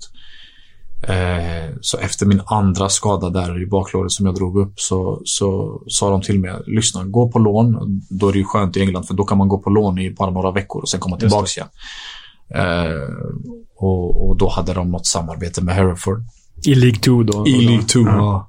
Bara för att få matcher. Eh, tekniska, snabba yttern Astrid ska tjonga boll i League 2. eh, men det var mer för fitness-wise, eh, för fysikens skull. Så kommer man till Hereford och jag kommer ihåg, jag kom ju dit samtidigt som Ashley Youngs eh, lillebror. Eh, fan hette han nu? Ja, jag kommer inte på hans namn nu, men mm. Eh, det, det, var i alla fall Ashley Youngs lillebror. Eh, och vi bor på samma hotell i Hereford och det, det är en liten by alltså. Eh, katastrof. Bland det värsta jag varit med om. Och träningsanläggningen och arenan var... Usch! Det här är ett par år före de konkade. De gick i konkurs sen och, och ombildades. Nej, jag har, jag har raderat bort det där. ja, det var ju Astrid som sänkte dem. Nej, tro mig, jag har inte sänkt dem. Så... Eh, ja, jag hinner ju träna några pass där och, och eh, sen har vi match. Jag kommer inte ihåg vem vi mötte, men min första match, jag tror det går 12-13 minuter och så drar jag mitt baklår igen. Aj, aj, aj. Och eh, då, då blir man lite deprimerad. Alltså, jag var så trött på att vara skadad och rehab. Och du vet, jag var i en ålder där alla mina vänner liksom eh, gjorde grejer hemma i Sverige och jag var själv. Eh, De såg världen, du såg Hereford. Ja, men vet, Alltså- jag, jag, var, jag var på fel plats. Eh, ja, jag, var, jag var på fel plats eh, helt enkelt. Eh, och, och, du vet, ibland så säger man som man bäddar får man ligga och, och klart, skadorna kan jag inte rå för. Eh, men det blir så. När, när man är skadad och inte får en rytm och inte får ett tempo i sig, då, då får man hitta det på något sätt. Och svaret var Hereford för min del, eh, vilket var sjukt. Jag skulle bara stannat kvar och bara tränat mig in i, i truppen och, och byggt upp mig där. Men de ville liksom att jag skulle få matcher i mig så att jag kan komma tillbaka stark och konkurrera. Men jag hade bara ett år. Så jag tänkte, nu i efterhand så tänkte man, varför? Så onödigt. Eh, Det måste vara en sjuk kontrast också att på ganska kort tid gå då från en av världens absolut största klubbar i Liverpool Mm. till Leicester som är en stor klubb. Även om de är League One. Det är en stor Det klubb. en Liksom. blivande jätte ändå, får man ju säga För- på något sätt. Ja. Precis. Till Hereford. ja. Det, det måste liksom Nej, alltså... känns... eh, Ja. Pilarna var ju bara neråt. Eh, och då, då kände jag att, okej, okay, vad ska vi göra här nu? Eh, ska jag vara kvar och spela i League 1 och League 2? För att, låt oss vara ärliga, det var inte så att jag hade jätte- jättemånga minuter i Leicester. Jag fick hoppa in några matcher, någon start sådär och, och de gick ju som tåget när jag kom. Jävla kon konkurrenskraftigt lag också. Bara titta på listan här. Tom Cleverley, Matt Oakley, DJ Campbell, Matt Fryatt, Max Ja. Allan Cardell, Andy King, Paul Dickoff. det är stora namn för League ja, One. alltså. Exakt, exakt. Och, och, och där kom jag, eh, eller lilla Astrid, men jag var ju ung och, och det, det var ju namn. På. Vi hade ju Nobby Solano också ett tag som, som kom och spelade med Åh, oss. jävlar. Ja, så det var ju Paul Dickov, Nobby Solano, du säger eh, Andy King och alla de här. De, de var ju redan inne i det. Medan jag var in och ut, in och ut, skadad, tillbaks, skadad, tillbaks. Och... Nej, det var, det, var en, eh, det var ingen rolig period. Det var det absolut. Det var därför jag valde att, komma hem till Sverige. Bara få, få tillbaka känslan, få tillbaka självförtroendet och... och Kanske få tillbaka lite kärlek för fotboll. Att 100 bara en så enkel procent. sak. 100 procent. Tycker det är kul att skratta lite. Ja, 100 procent. Eh, och, och det fick jag, tur nog. Eh, men jag visste på något sätt att jag skulle klara mig för att jag har ändå mentalitet. Det var bara det att jag behövde bara komma hem någonstans där folk liksom sa Uff, wow, Astrid är här och nu ska han hjälpa oss. Liksom. Och, och det föll väl. Eh, så det var ett, eh, ett bra val som jag och, och, och min dåvarande agent eh, gick igenom. Och, och, så att, det var ett fint steg. Som bäddade för det jag fick efteråt. Ehm, om man återknyter lite till Nigel Pearson som du nämnde. Mm. Han tränar i Bristol City idag. Hårt kritiserad för att stå för någon slags stenåldersfotboll och så här. känner du igen den beskrivningen när man, när man pratar om Nigel Pearson? Ja, det gör man verkligen. Alltså han är en otroligt god gubbe, eh, vet, när, när du väl pratar med honom och allting. Men hans fotboll eh, är väl inte så, så rolig. Utan det är en rak 4-4-2 eh, mestadels. Om man har två bra forwards. Har han inte det, då spelar han 4-5-1. Eh, så att, eh, och han hade ju Howard och, och Matty Fryett på topp. Eh, det var ju en otrolig kombo som gick bra för honom. En snabb som går i djupet och en target som, som krävs i, i Championship om du ska lyckas. Eh, men jag förstår varför han är kritiserad. Eh, speciellt eh, hur fotboll ser ut idag. Eh, man går vidare från det som har varit och alla vill ha flair och, fin fotboll och det ska gå snabbt. Och det är inte riktigt det han står för. Han står ju mer för channel ball som han, som han därför. Så att, eh, nej, det var, det var inte... Han är, han är väl rätt så, rätt så fyrkantig som tränare. Eh, I vissa lag så funkar det och vissa funkar det inte. Men annars utanför så är han ju eh, en, en fin människa. Det är han verkligen. Många andra fotbollssammanhang eh, ställer krav på att tränare utvecklas och aldrig liksom låser sig. Det är väl mycket så i Italien. Du får aldrig låsa dig vid en formation eller ett sätt att spela för att du ska liksom kunna utvecklas hela tiden. Och Det är väl Englands nackdel, vi som alltid står och hyllar England, att det rätt ofta blir 4-4-2 och att det liksom sitter någonstans i ryggmärgen. Ja, men lite de Harry Redknapp-gubbarna står och skriker på spelarna. Liksom. Inte ett ont ord om Harry Redknapp. Nej men alltså, är du, är du en sån, nu, nu, nu tar ni upp Harry Redknapp, men är du en sån som Harry som är ju en profil, en, en, en otroligt charmig människa. Det är lite som Warnock lite grann. Ja. Han har ju han har ju levt på just hans personlighet. Och ibland har du rätt trupp som liksom eh, som älskar dig för den du är då kanske du inte behöver vara världens bästa tränare utan du har den här kemin gentemot, okej, okay, den här mellantränare och, och spelare. Då flyter det bara på för att allt är frid och fröjd, alla mår bra, du kommer till träningen varje dag. Du känner, fan vad kul vi har det. Så på så sätt kan det vara skönt ibland. Okej, okay, eh, jag är inte världens bästa tränare, men jag har en skön trupp att jobba med. Och så går det ett år. Då kanske två, tre blir såld, kommer två, tre nya som har lite egon och de liksom kommer inte in i truppen på samma sätt som de där andra killarna. Och då förstörs det. För då kommer det här rätta fram utifrån en tränare. Okej, okay, hur ska du jobba nu? Hur ska du få fram kvaliteten på allihopa? Och det är därför de inte är i toppen. Utan det är därför de får sådana här klubbar. Cardiff, Middlesbrough, Luton och sådana ja. här grejer. Det, det är för att de har inte den här känslan så som de bästa tränarna har.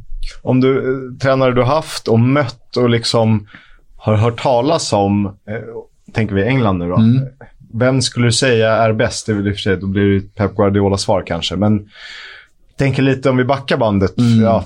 Från när jag var där? Ja, typ. Vem är du mest imponerad av? Eller vem kan du liksom se som någon slags förebild? Mm. Som både har den taktiska delen i sig att kunna förändra, men också har man management, att kunna prata med människor. Ja, alltså så här på rak arm så är det väl bara Brendan Rodgers. Eh, och ja, Man har väl hört bara gott om honom. Eh, jag har några vänner som har haft honom och trots att de inte har fått spela mycket så har de sagt att ah, det här är något utöver det vanliga. Eh, det har man sett också. Man kan se det i sättet de pratar på, i intervjuer, hur de är i motgång, eh, i medgång. Eh, för väldigt många är, sköna när, när det går bra, men så fort det går dåligt, då, då, då blir det lite... Eh, ja, då kommer den, den rätta sidan fram. Eh, och, och, men Brendan Rodgers är, är väl en som jag kan komma på så på rak arm som som spelar fantastisk fotboll. Eh, Swansea, när han var där, eh, alltså han var ju Englands Barcelona på den tiden. Och de hade ju en otroligt bra spelare. Eh, där på mitten, Allen och Pratley och, alla de här gubbarna, de, de var ju ett fantastiskt Leon Britton. Och, ja, Leon Britton. Uff, vilken spelare. Mm. Eh, Precis som du, omskolad ytter till innermittfältare. Ja, ja, faktiskt nu när du säger det. Nej, men eh, Britton, eh, att han inte fick en större karriär, det, det är ett under för mig. Eh, så intelligent, alltid en, två sekunder före, smart. Men du ser, han fick en rätt tränare också. Mm. Tänk om han hade fått Warnock eller, eller någon annan som är lite mer fyrkantig, Nigel Pearson säger vi. Då hade han aldrig, aldrig blommat ut så som han gjorde. Eh, så att eh, Brendan Rodgers skulle jag nog vilja säga, både fotbollsmässigt och eh, i det personliga. Kul. Vi pratade om Swansea, var det två veckor sedan? Vi pratade lite extra om dem, hela resan. Mm, Berto Martinez när de bestämde sig för att nu ska vi göra om någonting. Ja. Och det här DNA finns fortfarande. Sen kanske det inte lyfter under Russell Martin, som vi, jag vill tjata om. Men mm. ändå någon som vågar tro på det här med bollinnehavet och ha det i fokus. Att man har sitt sätt att... Ja, alltså grejen är den att jag, jag hade ju... Eller Eh, min dåvarande agent hade ju några spelare som spelade i Swansea, i Modo Barrow och, och, och de här. Och varje gång eh, de, eller han förklarade för mig när han pratade med klubbledningen i Swansea. Jo, men vi ska spela fin fotboll. Eh, de har, de har liksom fått det inprintat i sig. Och det är det som är kul att höra i, i en klubb i England, eller i Wales, de är från Wales, men men det är ändå kul, för det är inte många engelska lag som förhåller sig till en spelidé, utan de hämtar in tränare som inte kanske är gjorda för just så som klubben vill spela. Eh, tar du utomlands, så när du säger Barcelona, då, då associerar alla, okej, okay, tiki-taka. Eh, och så kommer det in någon som inte spelar tiki-taka, då blir det, ah, du är inte för oss. Men Swansea är verkligen, känns det som att senaste 10-15 åren, att de förhåller sig till eh, den idén. Eh, och det är kul. Det är rätt lätt att anställa då, tränare efter profil och spelare som man vet. Ja, men har man en sån form, då blir det som när de var bäst under, under Brendan Rodgers. Då blir ju liksom spelare som Nathan Dyer, Wayne Rutledge blir superspelare, ja, för de är verkligen. stöpta i formen. Liksom, ja, som kanske är sådär spelare ja. när de hamnar i Newcastle eller vad de nu är. Men de blir liksom. average, för de passar inte in. Mm. Exakt. Aha. Du, jag måste bara nämna, jag tycker det är så kul att gå tillbaka. Jag mår väldigt bra av att gå tillbaka till gamla trupper och så. Jag ser i Hereford så spelar de med Mark Pugh och med Jordan Much. Uh, Pugh som liksom gjort typ 150 Premier League-matcher för Bournemouth. Det är ändå, det är ändå roligt. Ja, han är den enda jag kommer ihåg faktiskt. Pewey. Uh, han var ju bra redan då. Man såg att det fanns kvalitet i honom. Det gjorde man verkligen. Uh, Men jag var ju inte där så länge eh, att eh, jag kommer ihåg vad som hände. Jag, jag, jag tror jag var där i 12 dagar. Ja, det var så, det var så Ja, lite? Oj, nej, alltså, jag var där i 12 dagar. Fy jag fan, antränade okej. typ så tre pass och match och sen så, så skulle de se om hur allvarlig min skada var och sen när vi insåg att okej, det här kommer vara, du kommer vara borta några månader, då, då åkte jag tillbaka till Leicester och körde min rehab där. Eh, så att jag hann inte se så mycket av spelarna. Jag, jag ska vara helt ärlig, jag kommer inte ihåg så mycket av vilka, alltså vem det var jag Nej. spelade med ens eh, namn och allting. Jag vet inte vem som, det är bara Pewey som jag kommer ihåg för han stack ut lite grann. Men resten, alltså, du kan säga namn till mig här nu, jag kommer inte veta. Nej men alltså det, det, det är sanningen. Vi kan säga så här, hur mycket vem vill prata Hereford, Astrid har förträngt. Med, Ja, Ja, 100 Berätta. procent. Mer berätta. 100 procent. Du, eh, du återvände ju till England några år senare. Mm. Charlton. Ja, Det är, ett jävla, det är ju ett jävla klassiskt lag, framförallt för vår generation. Det är ju Premier League. Eh, det är verkligen Premier League i flera Ja, år. men det är det. Och det finns svenskkopplingar. Ligger ju trevligt i London ändå, The Valley. Mm. Nej, det är en fantastisk klubb. Alltså. Jag hade en otrolig tid i Charlton. Det var ju, jag gick ju på lån från eh, Standard Liège. Eh, för vi hade samma ägare då. Eh, Roland Duchâtelet, Eh, ja. exakt, så han hade ju några klubbar. Och eh, de låg ju lite pyrt till när jag kom dit. Eh, och då, då var vi några spelare som eh, gick på lån från Standard Liège till, till Charlton för att vi fick mindre speltid av eh, den tränaren som var där då i, i Belgien. Eh, så jag kom ju till ett, ett sargat Charlton. Eh, man såg det direkt. Eh, och jag hade ju jag spelade ju med Pauli innan Powell, Chris Powell. Eh, jag spelade med honom i, i Leicester. Eh, så jag, jag, vi hade lite kontakt Och han var tränare nu då han var ju tränare i Charlton då och han hörde av sig till mig och, och han visste att vi hade samma ägare och att jag var i Standard Liège och, och han bara du, ska du inte komma hit och, och hjälpa oss lite grann? Eh, eh, och då sa jag det att det här är perfekt för mig. Eh, jag känner Paul, eh, jag vet vad han går för, jag vet vilken otrolig människa det där är. Eh, en av de finaste människorna som, som har gjorts på den här planeten. Oj, jäklar. ah, nej, han är grym alltså. Grym, grym, grym, grym. Eh, så att eh, det var ett bra val i min karriär. Jag tror det kan ha varit en av de gångerna jag kanske har spelat min bästa fotboll. Eh, där jag har känt mig stark. Där jag har känt att jag har fått ut eh, mycket av mitt spel. Fått vara skadefri. Fått vara skadefri 100 procent. Eh, fick en frihet eh, av, av, av Chris. Och, så det var skönt. Och vi hade ett skönt gäng också. Vi hade bra killar. Liksom. Okej, Okej, vi låg i botten där i början när jag kom, men vi började vinna matcher och helt plötsligt såg, såg vi ut som ett topplag för vi vägrade förlora. Eh, så att eh, just den säsongen var lite speciell för att de nämner det än idag. Eh, man får ju mail och Instagram-inlägg och Twitter. Folk som skriver på Twitter och “Wow, we, we miss you” och såna här grejer. “Come back” och bla bla bla. Så att eh, det är kul att man, man har gjort någonting bra där i alla fall. Då, men då spelade du inte längre på kanten. Då hade du flyttat in. Ja, vi spelade ju en typ av eh, 4-2-3-1 och då var jag eh, högerforward men fick komma in väldigt mycket centralt. Eh, och någon, någon match kunde jag spela en av två sittande och sådär. Eh, beroende på vilka man, man, man mötte.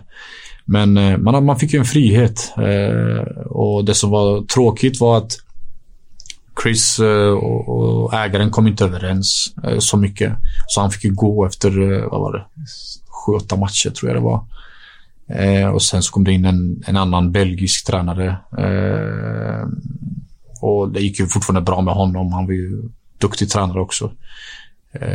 Så att, men jag, jag gillade ju Chris mer för han jobbade mycket med människorna och att alla skulle må bra och på så sätt så, så kunde vi leverera för vi, vi kommer in varje dag och vi har kul och, och högt i tak och bra träningar och han visste individuellt sett vad alla behövde och, och eh, så det var lite tråkigt. Han är ändå legend i Charlton också. Väldigt omtyckt och stor. Eh, och omtyckt av oss spelarna då. Så att, eh, eh, men i slutändan så det viktigaste för oss var att hålla oss kvar och det, vi gjorde, det gjorde vi ju marginellt eh, med tanke på hur det såg ut innan jag kom dit. Nu har vi snuddat vid ägare Roland Duchâtelet några Mm. gånger. Han nämns ju bara liksom i media och press och sådär som eh, ja, men en av Europas mest galna klubbägare. Liksom. Nämns ju som Palermos gamla, vad han... eh, Samparini. Sam, eh, ja, precis. St- Stämmer det? Har liksom du råkat ut för hans galenskaper? Han äger ju flera klubbar. Än, Alltså, han kan ju ingenting om fotboll. nej, men på riktigt. Okej, ja. och det som... Jag, jag är ju så som jag är. Eh, jag har ju tyvärr inget filter ibland. Och jag brydde mig inte om vem han var. Jag drev ju med honom väldigt mycket och skojade med honom. Jag försökte få honom att slappna av och såna här grejer. Han är ju väldigt stel. Ja, okej. Eh, lite socialt handikappad nästan. Eh, det är ju en fin gubbe när du väl sitter ner och pratar vanligt. Men när det kommer till fotboll då, då kan han inte så mycket. Han är ju bara businessman. Han vill ju bara äga klubbar och tjäna pengar. Och, och klart han vill att det ska gå bra. Sen när det kommer till att investera så kanske han inte är den lättaste att göra med. För han håller hårt i sina pengar. Eh, jätte, jättehårt i sina pengar. Eh, men nej, han, han är ju inte kunnig inom, inom fotbollsbranschen. Utan han, han anlitar ju människor som han tror kan mycket men som inte är så kunniga som, som de säger sig vara. Eh, men ja, han är, han är lite speciell där, han 100 procent. Eh, han har ju haft några ja, sköna diskussioner om man säger så. Fram och tillbaks med honom. Det är stor skillnad på, på att bo i Liège och bo i London. Eh, och, och, och då när jag skulle flytta över till London, då var det ju liksom hyra en lägenhet eh, där vid North Greenwich eller vad det nu än är. Det är ju tredubbla av det man hyrde i Liège liksom. Och de trodde att, amen, bara för att vi säger att du ska flytta dit, då, då ska du göra det. Och jag var ju sån, jag stod på mig och sa, du, det funkar inte så. Det är mycket dyrare här och du vet, ska man hyra en lägenhet då måste ni, ni stå för den. Då sa de nej men det kan vi inte göra. Man, du vill att jag ska gå på lån och hjälpa klubben men jag ska liksom gå, gå nästan på knäna för en, för en lägenhets skull. Nej det kommer jag inte göra utan kompensera upp det så, så går vi dit liksom. Och efter många om och men så insåg de att ja, men, den här killen är lite dum i huvudet så vi, vi, vi, vi kör på det han säger. jag är inte den som ger mig eh, om man säger så. Eh, utan rätt ska vara rätt. Eh, och, och han är speciell även inför förhandlingar. Han ska försöka trissa ner det och, och liksom, man man kommer överens om en grej och sen precis när man ska krita på pennan då säger han, men du, vi går ner. Man bara, nej, det gör vi inte. Ah, nej, han är, Riktigt han, är, som, han är eh, tight. tight bilhandlare, tight. liksom. Ja, Ja. tight, tight på pengarna. Alltså. Ah, okej. Men charmig på något sätt ändå. Men kan inte fotboll för fem öre. Ah, okej. Du, var det något tal om att du skulle återvända till Charlton? Eller fanns det möjligheter att du var på väg tillbaka? Jag ville det. Eh, jag ville verkligen eh, åka tillbaka till Charlton och, och de i Charlton eh, ville verkligen ha tillbaka mig. Eh, men eh, ja, jag kommer tillbaka till, eh, eller jag blev uppringd av, av den dåvarande tränaren som var i Standard Liège. Gilizon hette han, en israelisk tränare. Och då hade jag ju gjort bra ifrån mig i Charlton och de hade ju sett det. Eh, så då sa de, nej men vi, vi vill ha tillbaka till, till Liège. Eh, vi börjar om på nytt. Och då tänker jag, men fine. Det är en stor klubb, Standard Liège. Jag tänker perfekt, då åker jag tillbaka. Vi börjar om på, på ruta ett. Och, och, tråkigt för eh, jag ville vara kvar. Ja, jag älskar ju England och London. Eh, eh, så att jag tänkte, okej, det, det finns större möjligheter att spela ut i Europa. Så jag åkte tillbaks. Och de orden som jag fick höra då stämde inte alls överens med vad de visade. Utan ja, det var bara en stor, stor soppa i den klubben just då. Det var agenter som styrde vilka som skulle komma in och eh, vilka som skulle spela och allt sånt där. Vilket finns, eh, tyvärr. Eh, det är mycket politik eh, ute i Europa. Eh, agenterna är väldigt starka nu för tiden. Mm. Sportchefer har eh, sina gubbar som de bara samarbetar med. Och det var så det var i, i Standard Liège. Tyvärr. Eh, jag sa det innan, jag, jag, jag skyller inte ifrån mig. Eh, men jag säger bara sanningen. Det är bara så det är. Sen får folk tycka att man är bitter eller vad det är, men det, det skiter jag i. Eh, utan det var så det var. Eh, och det har visat sig nästan svart på vitt eh, med den härvan som skedde i Belgien under de åren med Moji och alla de här. Och det var ju många av de gubbarna tillhörde ju Standard Liège. Ja. Eh, så att det är skönt att jag fick lite rätt där. Eh, för när man förklarade det då, då var det som att Nej men fan du bara säger så bara för att du inte platsade. Men alltså, nej, det, det, är verkligen inte så, utan det är speciellt. Eh, och det har visat sig för många svenskar eh, i Belgien. En väldigt, väldigt speciell, eh, speciellt land och en väldigt speciell liga. Eh, jag har alltid sagt till de spelarna som, som har frågat mig om de ska gå till Belgien. Ska du till Belgien, eh, se till att det är en annan belgisk agent involverad i din transfer. Låt det inte bara vara en svensk eller en dansk. Eh, för att de belgiska är väldigt starka där. Mm, mm. mm. Åker du med en svensk, då kan du åka ut eh, lika snabbt.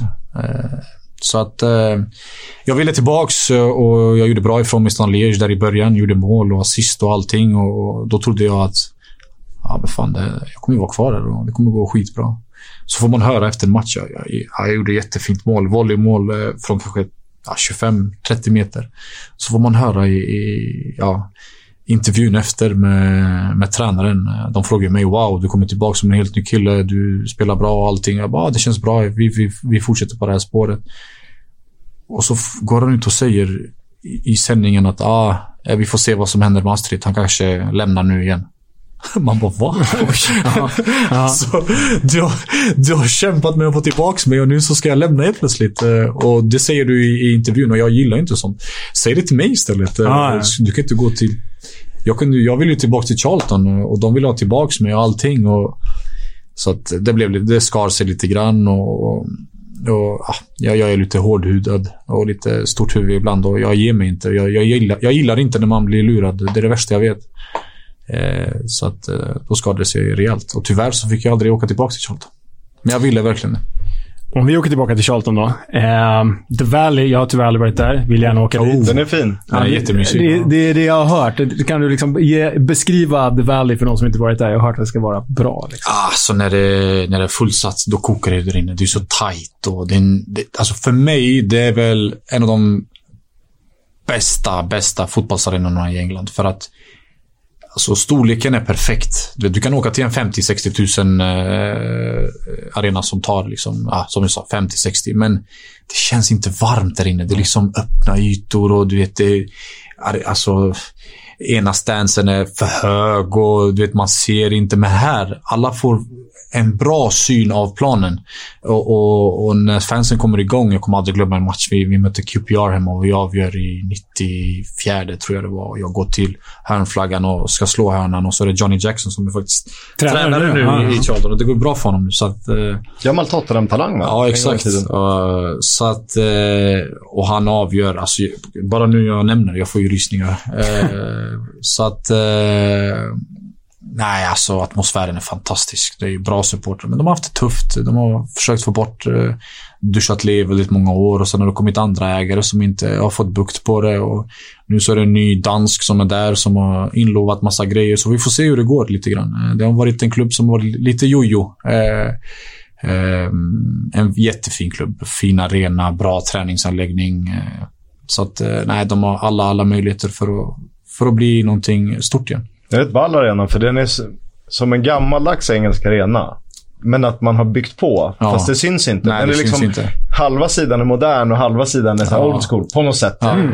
Det kanske inte stämmer arkitektoniskt, men så upplevde jag det. Ja, nej, det, är, det är finare. Och så tung, lång bortsida och bortasida så man kan... Ja få lite ja. atmosfär. Man är ju sugen. Men du, du har ju spelat så jäkla mycket i England. Vad är liksom, eh, som spelare, värsta stället att åka till? Fan, nu spelar vi mot de här borta. Ja, helvete, det kommer bli jobbigt killar. Ja, det är ju sådana här ställen som Dagenham Redbridge och Morecambe. och, när man fick dem i kuppen. Åh, oh, fy fan. Är det så, alltså? På en novembernatt och du ska spela klockan sju och det är frost. Och, uff, katastrof alltså. eh, vi fick några kuppmatcher där och ah, det kommer inte igång. Och du vet, jag är sån också. Jag, jag, jag gillar ju stora arenor och det ska vara drag och så kommer man till sådana där skitställen alltså. Och typ, åh nej, det här är inte jag alltså. och så går det två minuter och du får en tvåfotare i, i nacken liksom. nej, det, det, det är inte roligt. Eh, de arenorna var ju, uff. Plymouth, samma sak. Eh, Bojans Plymouthen då? Ah, full. Ah, Han älskar ju Plymouth. Ja, det var ju där han blev en, en hårt jobbande mittfältare. Jag har alltid sagt det. Bojan gick ju från eh, världens teknik, tekniska spelare till eh, Gattuso. Så att... Eh, Har du, mö- mötte du Millwall borta någon gång? Ja, det gjorde jag. För Uff, det där var också... Pontus Jansson beskrev det som att han drevs också lite av det. Jag kan tänka mig lite samma, det är så här, känslorna utanpå. Att man triggades av det. Samtidigt visste man så här, "Uff, jag kommer bli hatad i 90 Ja, minuter. alltså, det, den är ju... Alltså, det är skrämmande. På riktigt, det är skrämmande. De är hatiska. På riktigt. Alltså, det, du, du ska ta en inkast eller hörna och du bara hör. Vi ska göra det med dig. Vi, alltså, nu kan jag inte svära här, men Nej. du, ni kan tänka Vi kan lägga ihop. hela tiden. Alltså. Hela, hela tiden. Så fort du touchar bollen som motståndare, du bara hör busken. Och du vet, jag, jag kommer aldrig glömma, det var en liten kille. Han var typ så, alltså, jag ska inte ens krydda nu, han var kanske sju, åtta. Och man ser honom, han bara you fucking bastard. Alltså, man bara, man vad fan är din farsa gubben? Så att, eh, nej, nu när du säger det så kommer, jag, så, så kommer man ihåg, ah, det där var, ah, det var, det var häftigt att alltså, uppleva det, men eh, just då, klart man triggas igång utav det. Ja, jag gillar ju sådana matcher, så att för mig var det inga problem. Men man var inte van. Eh, man går till liksom ja, Borås Arena eller vad det nu än är och där är alla trevliga och allting och så kommer man till det här. Så att... Eh, Konta- kontrasterna i fotbollen är fina. Exakt. Ja, jag ska namedroppa en sista gång från den här Charlton-truppen. Mm. Jävla trevlig trupp. Du hade ju Michael Morrison idag i Red- Reading. Mm. Dale Stevens idag i Burnley. Ben Hamer, keeper i Swansea idag, så Jan Carmoganto. Men så ser jag att Nick Pope är keeper i Charlton och gör inte en enda minut i The Championship den här säsongen. Alltså grejen var den att eh, Popey, han var ju utan tvekan en av de största målvaktstalangerna jag har sett när jag var där. Och det såg vi redan då. Eh, och när jag tänker på Pope, då tänker jag på Jakob Fidel Zetterström. Ja. Jag sa ju rätt så tidigt med Jakob också. Jag bara, ah, den här killen han kommer bli landslagsmålvakt inom tre år.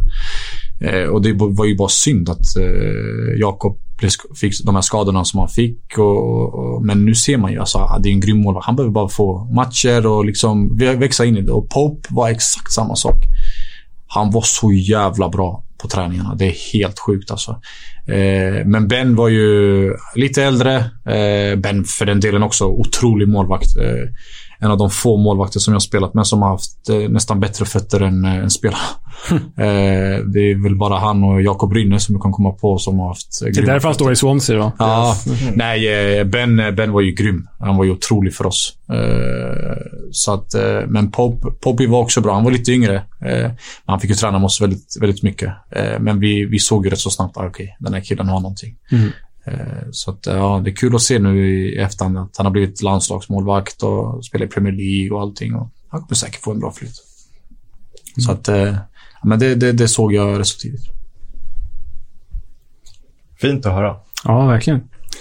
Jag har inte förberett så mycket mer. Nej, inte jag heller. Jag tycker det är härligt när det landar i allt möjligt. Bara köra. är det någon spelare du... ehm, ja, vi hörde ju Jermaine Pennant såklart. What could have been. Är det någon mer du tänker på, antingen som blev väldigt stor som du tänker, hur kunde det här ske? Eller vice versa? Någon sån där du kommer ihåg? Oh, det är så svårt. Så här på rak arm och bara hitta någon. Eh, alltså jag, jag, jag spelade ju med väldigt, väldigt många duktiga spelare som är ju riktigt, alltså riktiga, riktiga Championship-spelare. Jag kan ta någon som Waghorn till exempel. Eh, Martin Waghorn, det, Ja. är, det är en sån jävla Championship-spelare alltså. Alltså, han ska bara vara där, ingen annanstans. Eh, Han är inte bättre än så. Eh, Men ändå grym för Championship. Det är lite som David Nugent. Verkligen. han är ju också bara, bara Championship. Flest mål i Championship genom tiderna. Ja. Tror jag Är det så? Ja, okej. Han leder. Att... Men eh, du, när jag har dig, och det är en lite intressant koppling. Alexander Mitrovic gjorde ju ett fantastiskt mål eh, för Serbien mot Ja. Portugal. Ja. Han har ju lite den auran. För det blir alltid något som är fel när han kommer upp i Premier League. Antingen är han inte önskad i spelsystemet, eller så är det skador, eller så är det någonting annat. Och nu 20 mål på 17 matcher, sköt Serbien till VM. Men ser du på Mitrovic, man har ändå, jag har ändå mött Mitrovic i Belgien. Han var ju i Anderlecht när jag var där. Eh, eh, ser du hans kropp, eh, hans kroppsbyggnad. Han var ju alltid lite mullig innan. Och så ser jag Mitrovic nu. Det är ju jättestor skillnad. Eh, jag ser en Mitrovic som kanske för första gången har magrutor. Eh, han ser slimmad ut. Han jobbar hårt. Så jag, det kan vara så att han kanske har fått lite vett i huvudet. Och... Firade med en pizza efter... Ja, men det kan man göra efter sån Pizza, två stycken. så att... Nej men... Det kan vara så att han, han kanske har fått... Alltså blivit lite mognare och insett att fan, det räcker inte med att bara vara tung och liksom göra lite mål. Och för Premier League, du, du måste ha hela kittet. Eh, speciellt när du spelar i de här mindre klubbarna där du behöver en som gör minst 10 mål, mm. 10-12 mål. Då ska vi inte räkna med de som gör 20-25 som är topplagen. Men har du inte någon som, som gör minst 10-12 mål i, i en bottenklubb, eh, då är det svårt att, svår, att överleva. Och det är väldigt mycket ansvar som vilar just på ja. den spelaren. Exakt, och det, det, finns ju så mycket anfallare som är så brittiska som eh, man kan ta. Eh, spelar inte någon i, i Burnley så kan man hämta honom eh, till, vad vet jag, Hull eller till eh, Norwich eller vad det nu än är. Och det, det är det de här utländska spelarna måste fatta. Att man måste lite grann komma in i det här brittiska tänket. Man ska, du vet, man ska ta det bästa av allting. Eh, ta det som man är jättebra på, men ändå, du vet, peppra det lite med, med det engelska. Lite hårt arbete, lite, lite äcklig i boxen och såna här grejer. Och det kanske han har gjort, eh, för att det är inte lätt att komma in i engelsk fotboll. Det är svårt alltså. Tempot är... Alltså det är så högt. Det, det går så snabbt. Du vet, det smäller vänster och höger. Och du vet, inkasten går så snabbt. Du vet, utomlands, du, vet, du tar dig tid. Alla säger, men ta det lugnt. Du vet. Men i England, det är liksom uff, direkt, hörna, snabbt. Ah. Och, och, så att ja, han kanske har, eh, har mognat och kanske blir något utav honom ändå i, om de nu går upp med, med Fulham. Såklart de gör. kanske ingen som vågar röra honom. Jag hade inte gjort det som mittback. Jag hade ju bytt position. Om han hade varit och spelat lite till höger. Han har ju, han har ju alla, alla attributer för att vara en grym forward just i England. Eh, för han är så stark och liksom bufflig och jobbig att möta. Och det är liksom hej, det är perfect match för, för England. Det är bara att krydda till det lite och, och ta det bästa, som jag sa, egenskapen av, av England. Härligt att få avsluta med ja, mikrogolv. Ja, verkligen. Så, så är det ju. Eh, stort tack för att eh, du var med, Astrid. Tack själv. Skitkul att ha dig här. Ja, tack själva. Fan vad sugen man blev på The Valley nu alltså. Dit ska vi. Ja.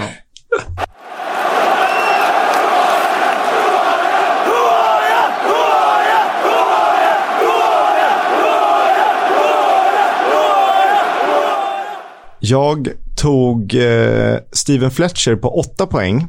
Eh, den första rundan av Huaria. Och i den andra så blev det 4 poäng för Leo när han eh, skulle gissa sig fram till Phil Jagielka. Och nu har det blivit dags för en ny spelare för mig att ta. Ja, så är det. Jag höll nästan på att säga hans namn. det var dumt. Ja, då vet vi att det är en eh, kille vi letar efter i alla fall. Ja, jo, ja, så är det. Um, för er som inte varit med så är Who Are Huaria alltså en kopia på Offsides i spelarbussen som i sin tur är en kopia på På spåret. Det handlar om att eh, jag eh, i, i det här fallet kommer ge Kisk ledtrådar eh, på 10, 8, 6, 4 och 2 poäng. Och Kisk ska ta reda på vilken spelare det är. När han tror han vet vem det är så låser han in svaret och så fortsätter jag läsa frågorna för er, kära lyssnare. Och eh, kom gärna med respons och tävla mot oss. Vi vill veta om ni gillar det här segmentet eller inte. Tyckte det var ganska många som ändå var, tog det på 8 och 6 poäng, vilket jag tycker är bra. Ja, verkligen. Det är svårt. Det är svårt. Ska vi se vad det blir idag då. Känner du dig redo? Ja. Okej. Okay. 10 poäng. Med ett namn som minner om blått blod och royalism har han onekligen levt upp till det genom ett klubbval. Kliar sig i huvudet här, Kiska. Ja. Det vore ju lite för enkelt eh, att gissa på någon som heter kung i efternamn. Och jag skulle gissa att eh, sättet du beskriver det ni vill ju höra mig resonera och gå bort mig. Så jag vet inte om han har spelat för Reading. Det kan jag faktiskt inte svara på. Men Reading är Royals. Ja, det här kanske är för lätt och så har jag glömt bort något. Så att jag vill nästan ha åtta poängen. Jag läser 10 igen, så lyssnarna får den två gånger. 10 poäng. Med ett namn som minner om blått blod och royalism har han onekligen levt upp till det genom ett klubbval. Du säger till när vi vill gå vidare. Vi kan fortsätta. 8 poäng. Gått upp med en klubb, åkt ur med en annan. De värsta av rivaler. Dessutom spelat i två av 2000-talets Champions League-finalister. Med 2000-talet menas från 2000 till 2021. eller? Yes.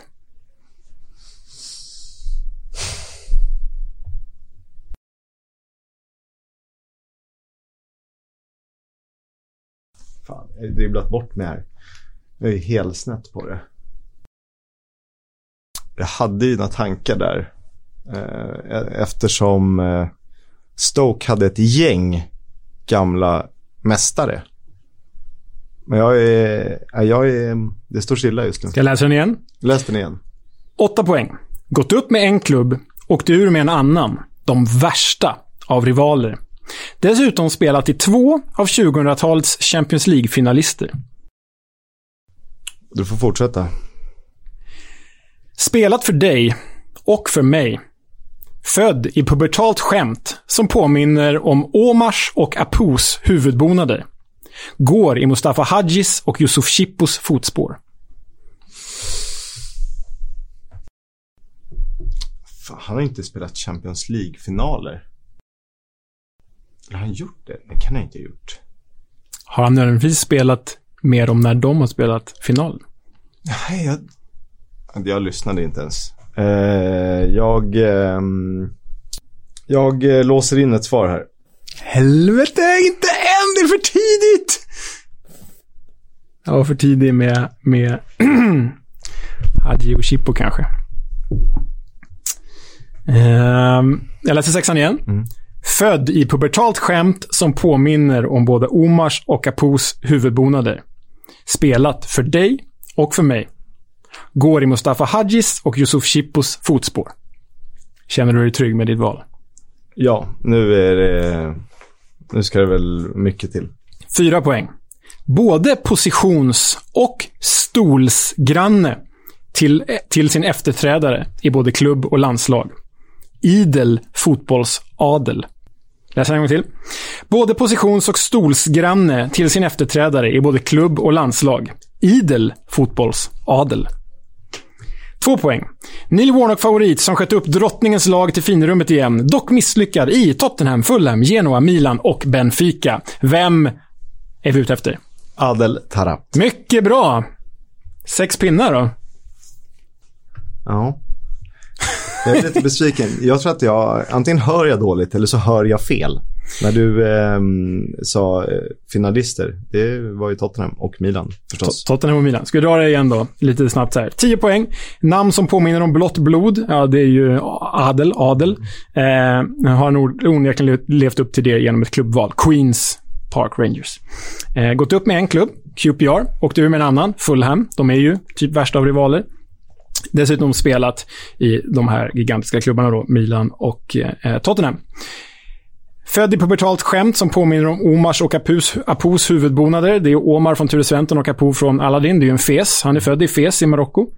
Eh, går i Mustafa Hadjis och Yusuf Chippos fotspår. Det var här du tog det. Var det på national, nationaliteten då? Eller? Ja, eh, och jag letade ju efter eh, ett eh, blåblodigt namn och King kom upp i huvudet, men det var ju såklart Adel som skulle in där. Och då kände jag att det här var rätt. Det var rätt. Idel fotbollsadel, som vi sa sen. Positionsgranne till sin efterträdare. Det är ju... Ja, Ilias Cheir, Ilias Cheir och stolsgranne Chair.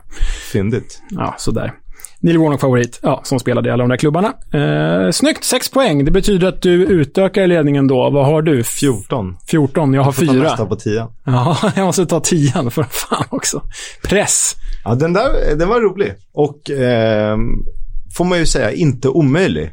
För det är ändå, vi kan inte ha spelare som gjort en halv säsong i Huddersfield. Som man ska begära att folk vet vem det är. Det måste vara ett etablerat namn. Det är ju Ja. kriteriet liksom. Och det tycker jag ändå vad jag hittat hittills. Eh, vi hoppas att eh, det gick bättre för er än för mig. För att eh, 8 och 10, det lyfter vi på Men hatten. sex poäng, det, är- det är bra. Det är okej. Det är bra. Det kan man vinna en På spåret-omgång på. Verkligen. Eh, du nämnde att han var favorit till en av våra favoriter att prata om. Här är veckans Warnock. We'll have a chat about the fucking game. About your game, last few months, last few weeks. Fucking character. Fuck! Jag kanske är född i farstun en boomer. Men jag eh, ramlade över ett klipp som publicerats ganska nyligen, nyligen av en officiell källa. Det är väl Borough Gazette eller vad de kan heta. Eh, det har inte fått så mycket exponering som det borde. Eh, Middlesbrough spelade alltså 1-1 borta mot West Brom och det var Neil Warnocks sista match. Det var typ hans sista minuter som tränare. Eh, sen fick han ju gå. Eh, de sa att det var överenskommet, det sa inte Neil Warnock. Så att han hade fått sparken för Chris Wilders skull. Han var väl klar långt innan kan man gissa. Eh, men han är ju en publikfavorit där han är det. Och han fick eh, ändå hyllningarna av de tillresta Borough-fansen.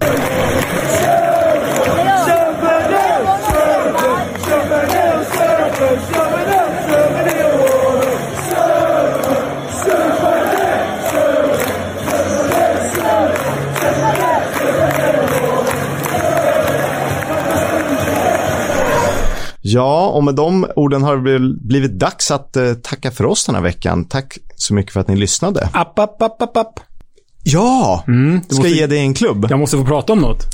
Såklart du ska få. Eh, och jag tycker vi återvänder från League One till Championship för att vi måste göra klart den först. Och sen fortsätter vi göra den här podden så att vi kan kliva ner i League One kanske blir en League One-podd bara. Det är, för, det är för kommersiellt med Championship. Ligan är för bra. eh, men jag tänker att du har ju varit i Stoke-on-Trent och Stoke City har, finns det mycket att berätta om, gissar jag. Så att eh, Mighty Potters. Mighty Potters, Stoke. Ja, men det blir roligt. Det är nog min senaste match utomlands kanske, Stoke. Du, då har jag en grej redan här. Okej. Okay. Eh, Säg en spelare som har spelat i rödvitrandiga Sunderland, rödvitrandiga Stoke och rödvitrandiga Southampton. Ja, jag vet vem det här är. När du säger det kommer jag säga ah. Men för vi pratade om den här spelaren i något av avsnitten under hösten. Det har du nu gjort. Han är assisterande tränare nu på, i, i någon klubb någonstans. Kommer inte ihåg vilken. Men jag kommer inte på vem det är. Det är Rory DeLapp! Just det, Inkasta det är det Rory. Det är det ju. Uh -huh. Mäktiga Rory Tänk att byta från Southampton till Stoke till Sunderland, bara rödvitrandigt igenom. Det är det. väldigt coolt. Så honom får du nog anledning att prata om. Ja. Och kanske Tony Pulis. Ja, men stor, stor sannolikhet. Eh, tack för att ni lyssnade. Tack till Stryktipset som sponsrar. Tack till Leo. Tack till Astrid och på ja, återseende. Ja, tack du. Ja, varsågoda. Vi hörs. Upptäckta vägar, de han tar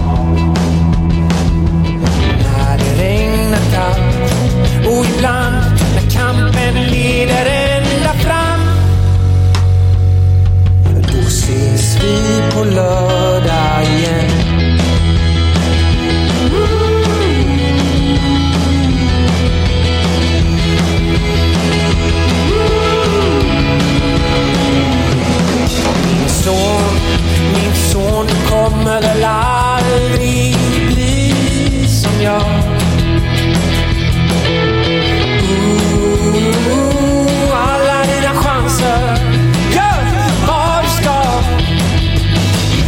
Då regnar det kallt, men till slut leder kampen ända fram. Hey. Oh, oh, oh. Då ses vi på lördag, ses vi på lördag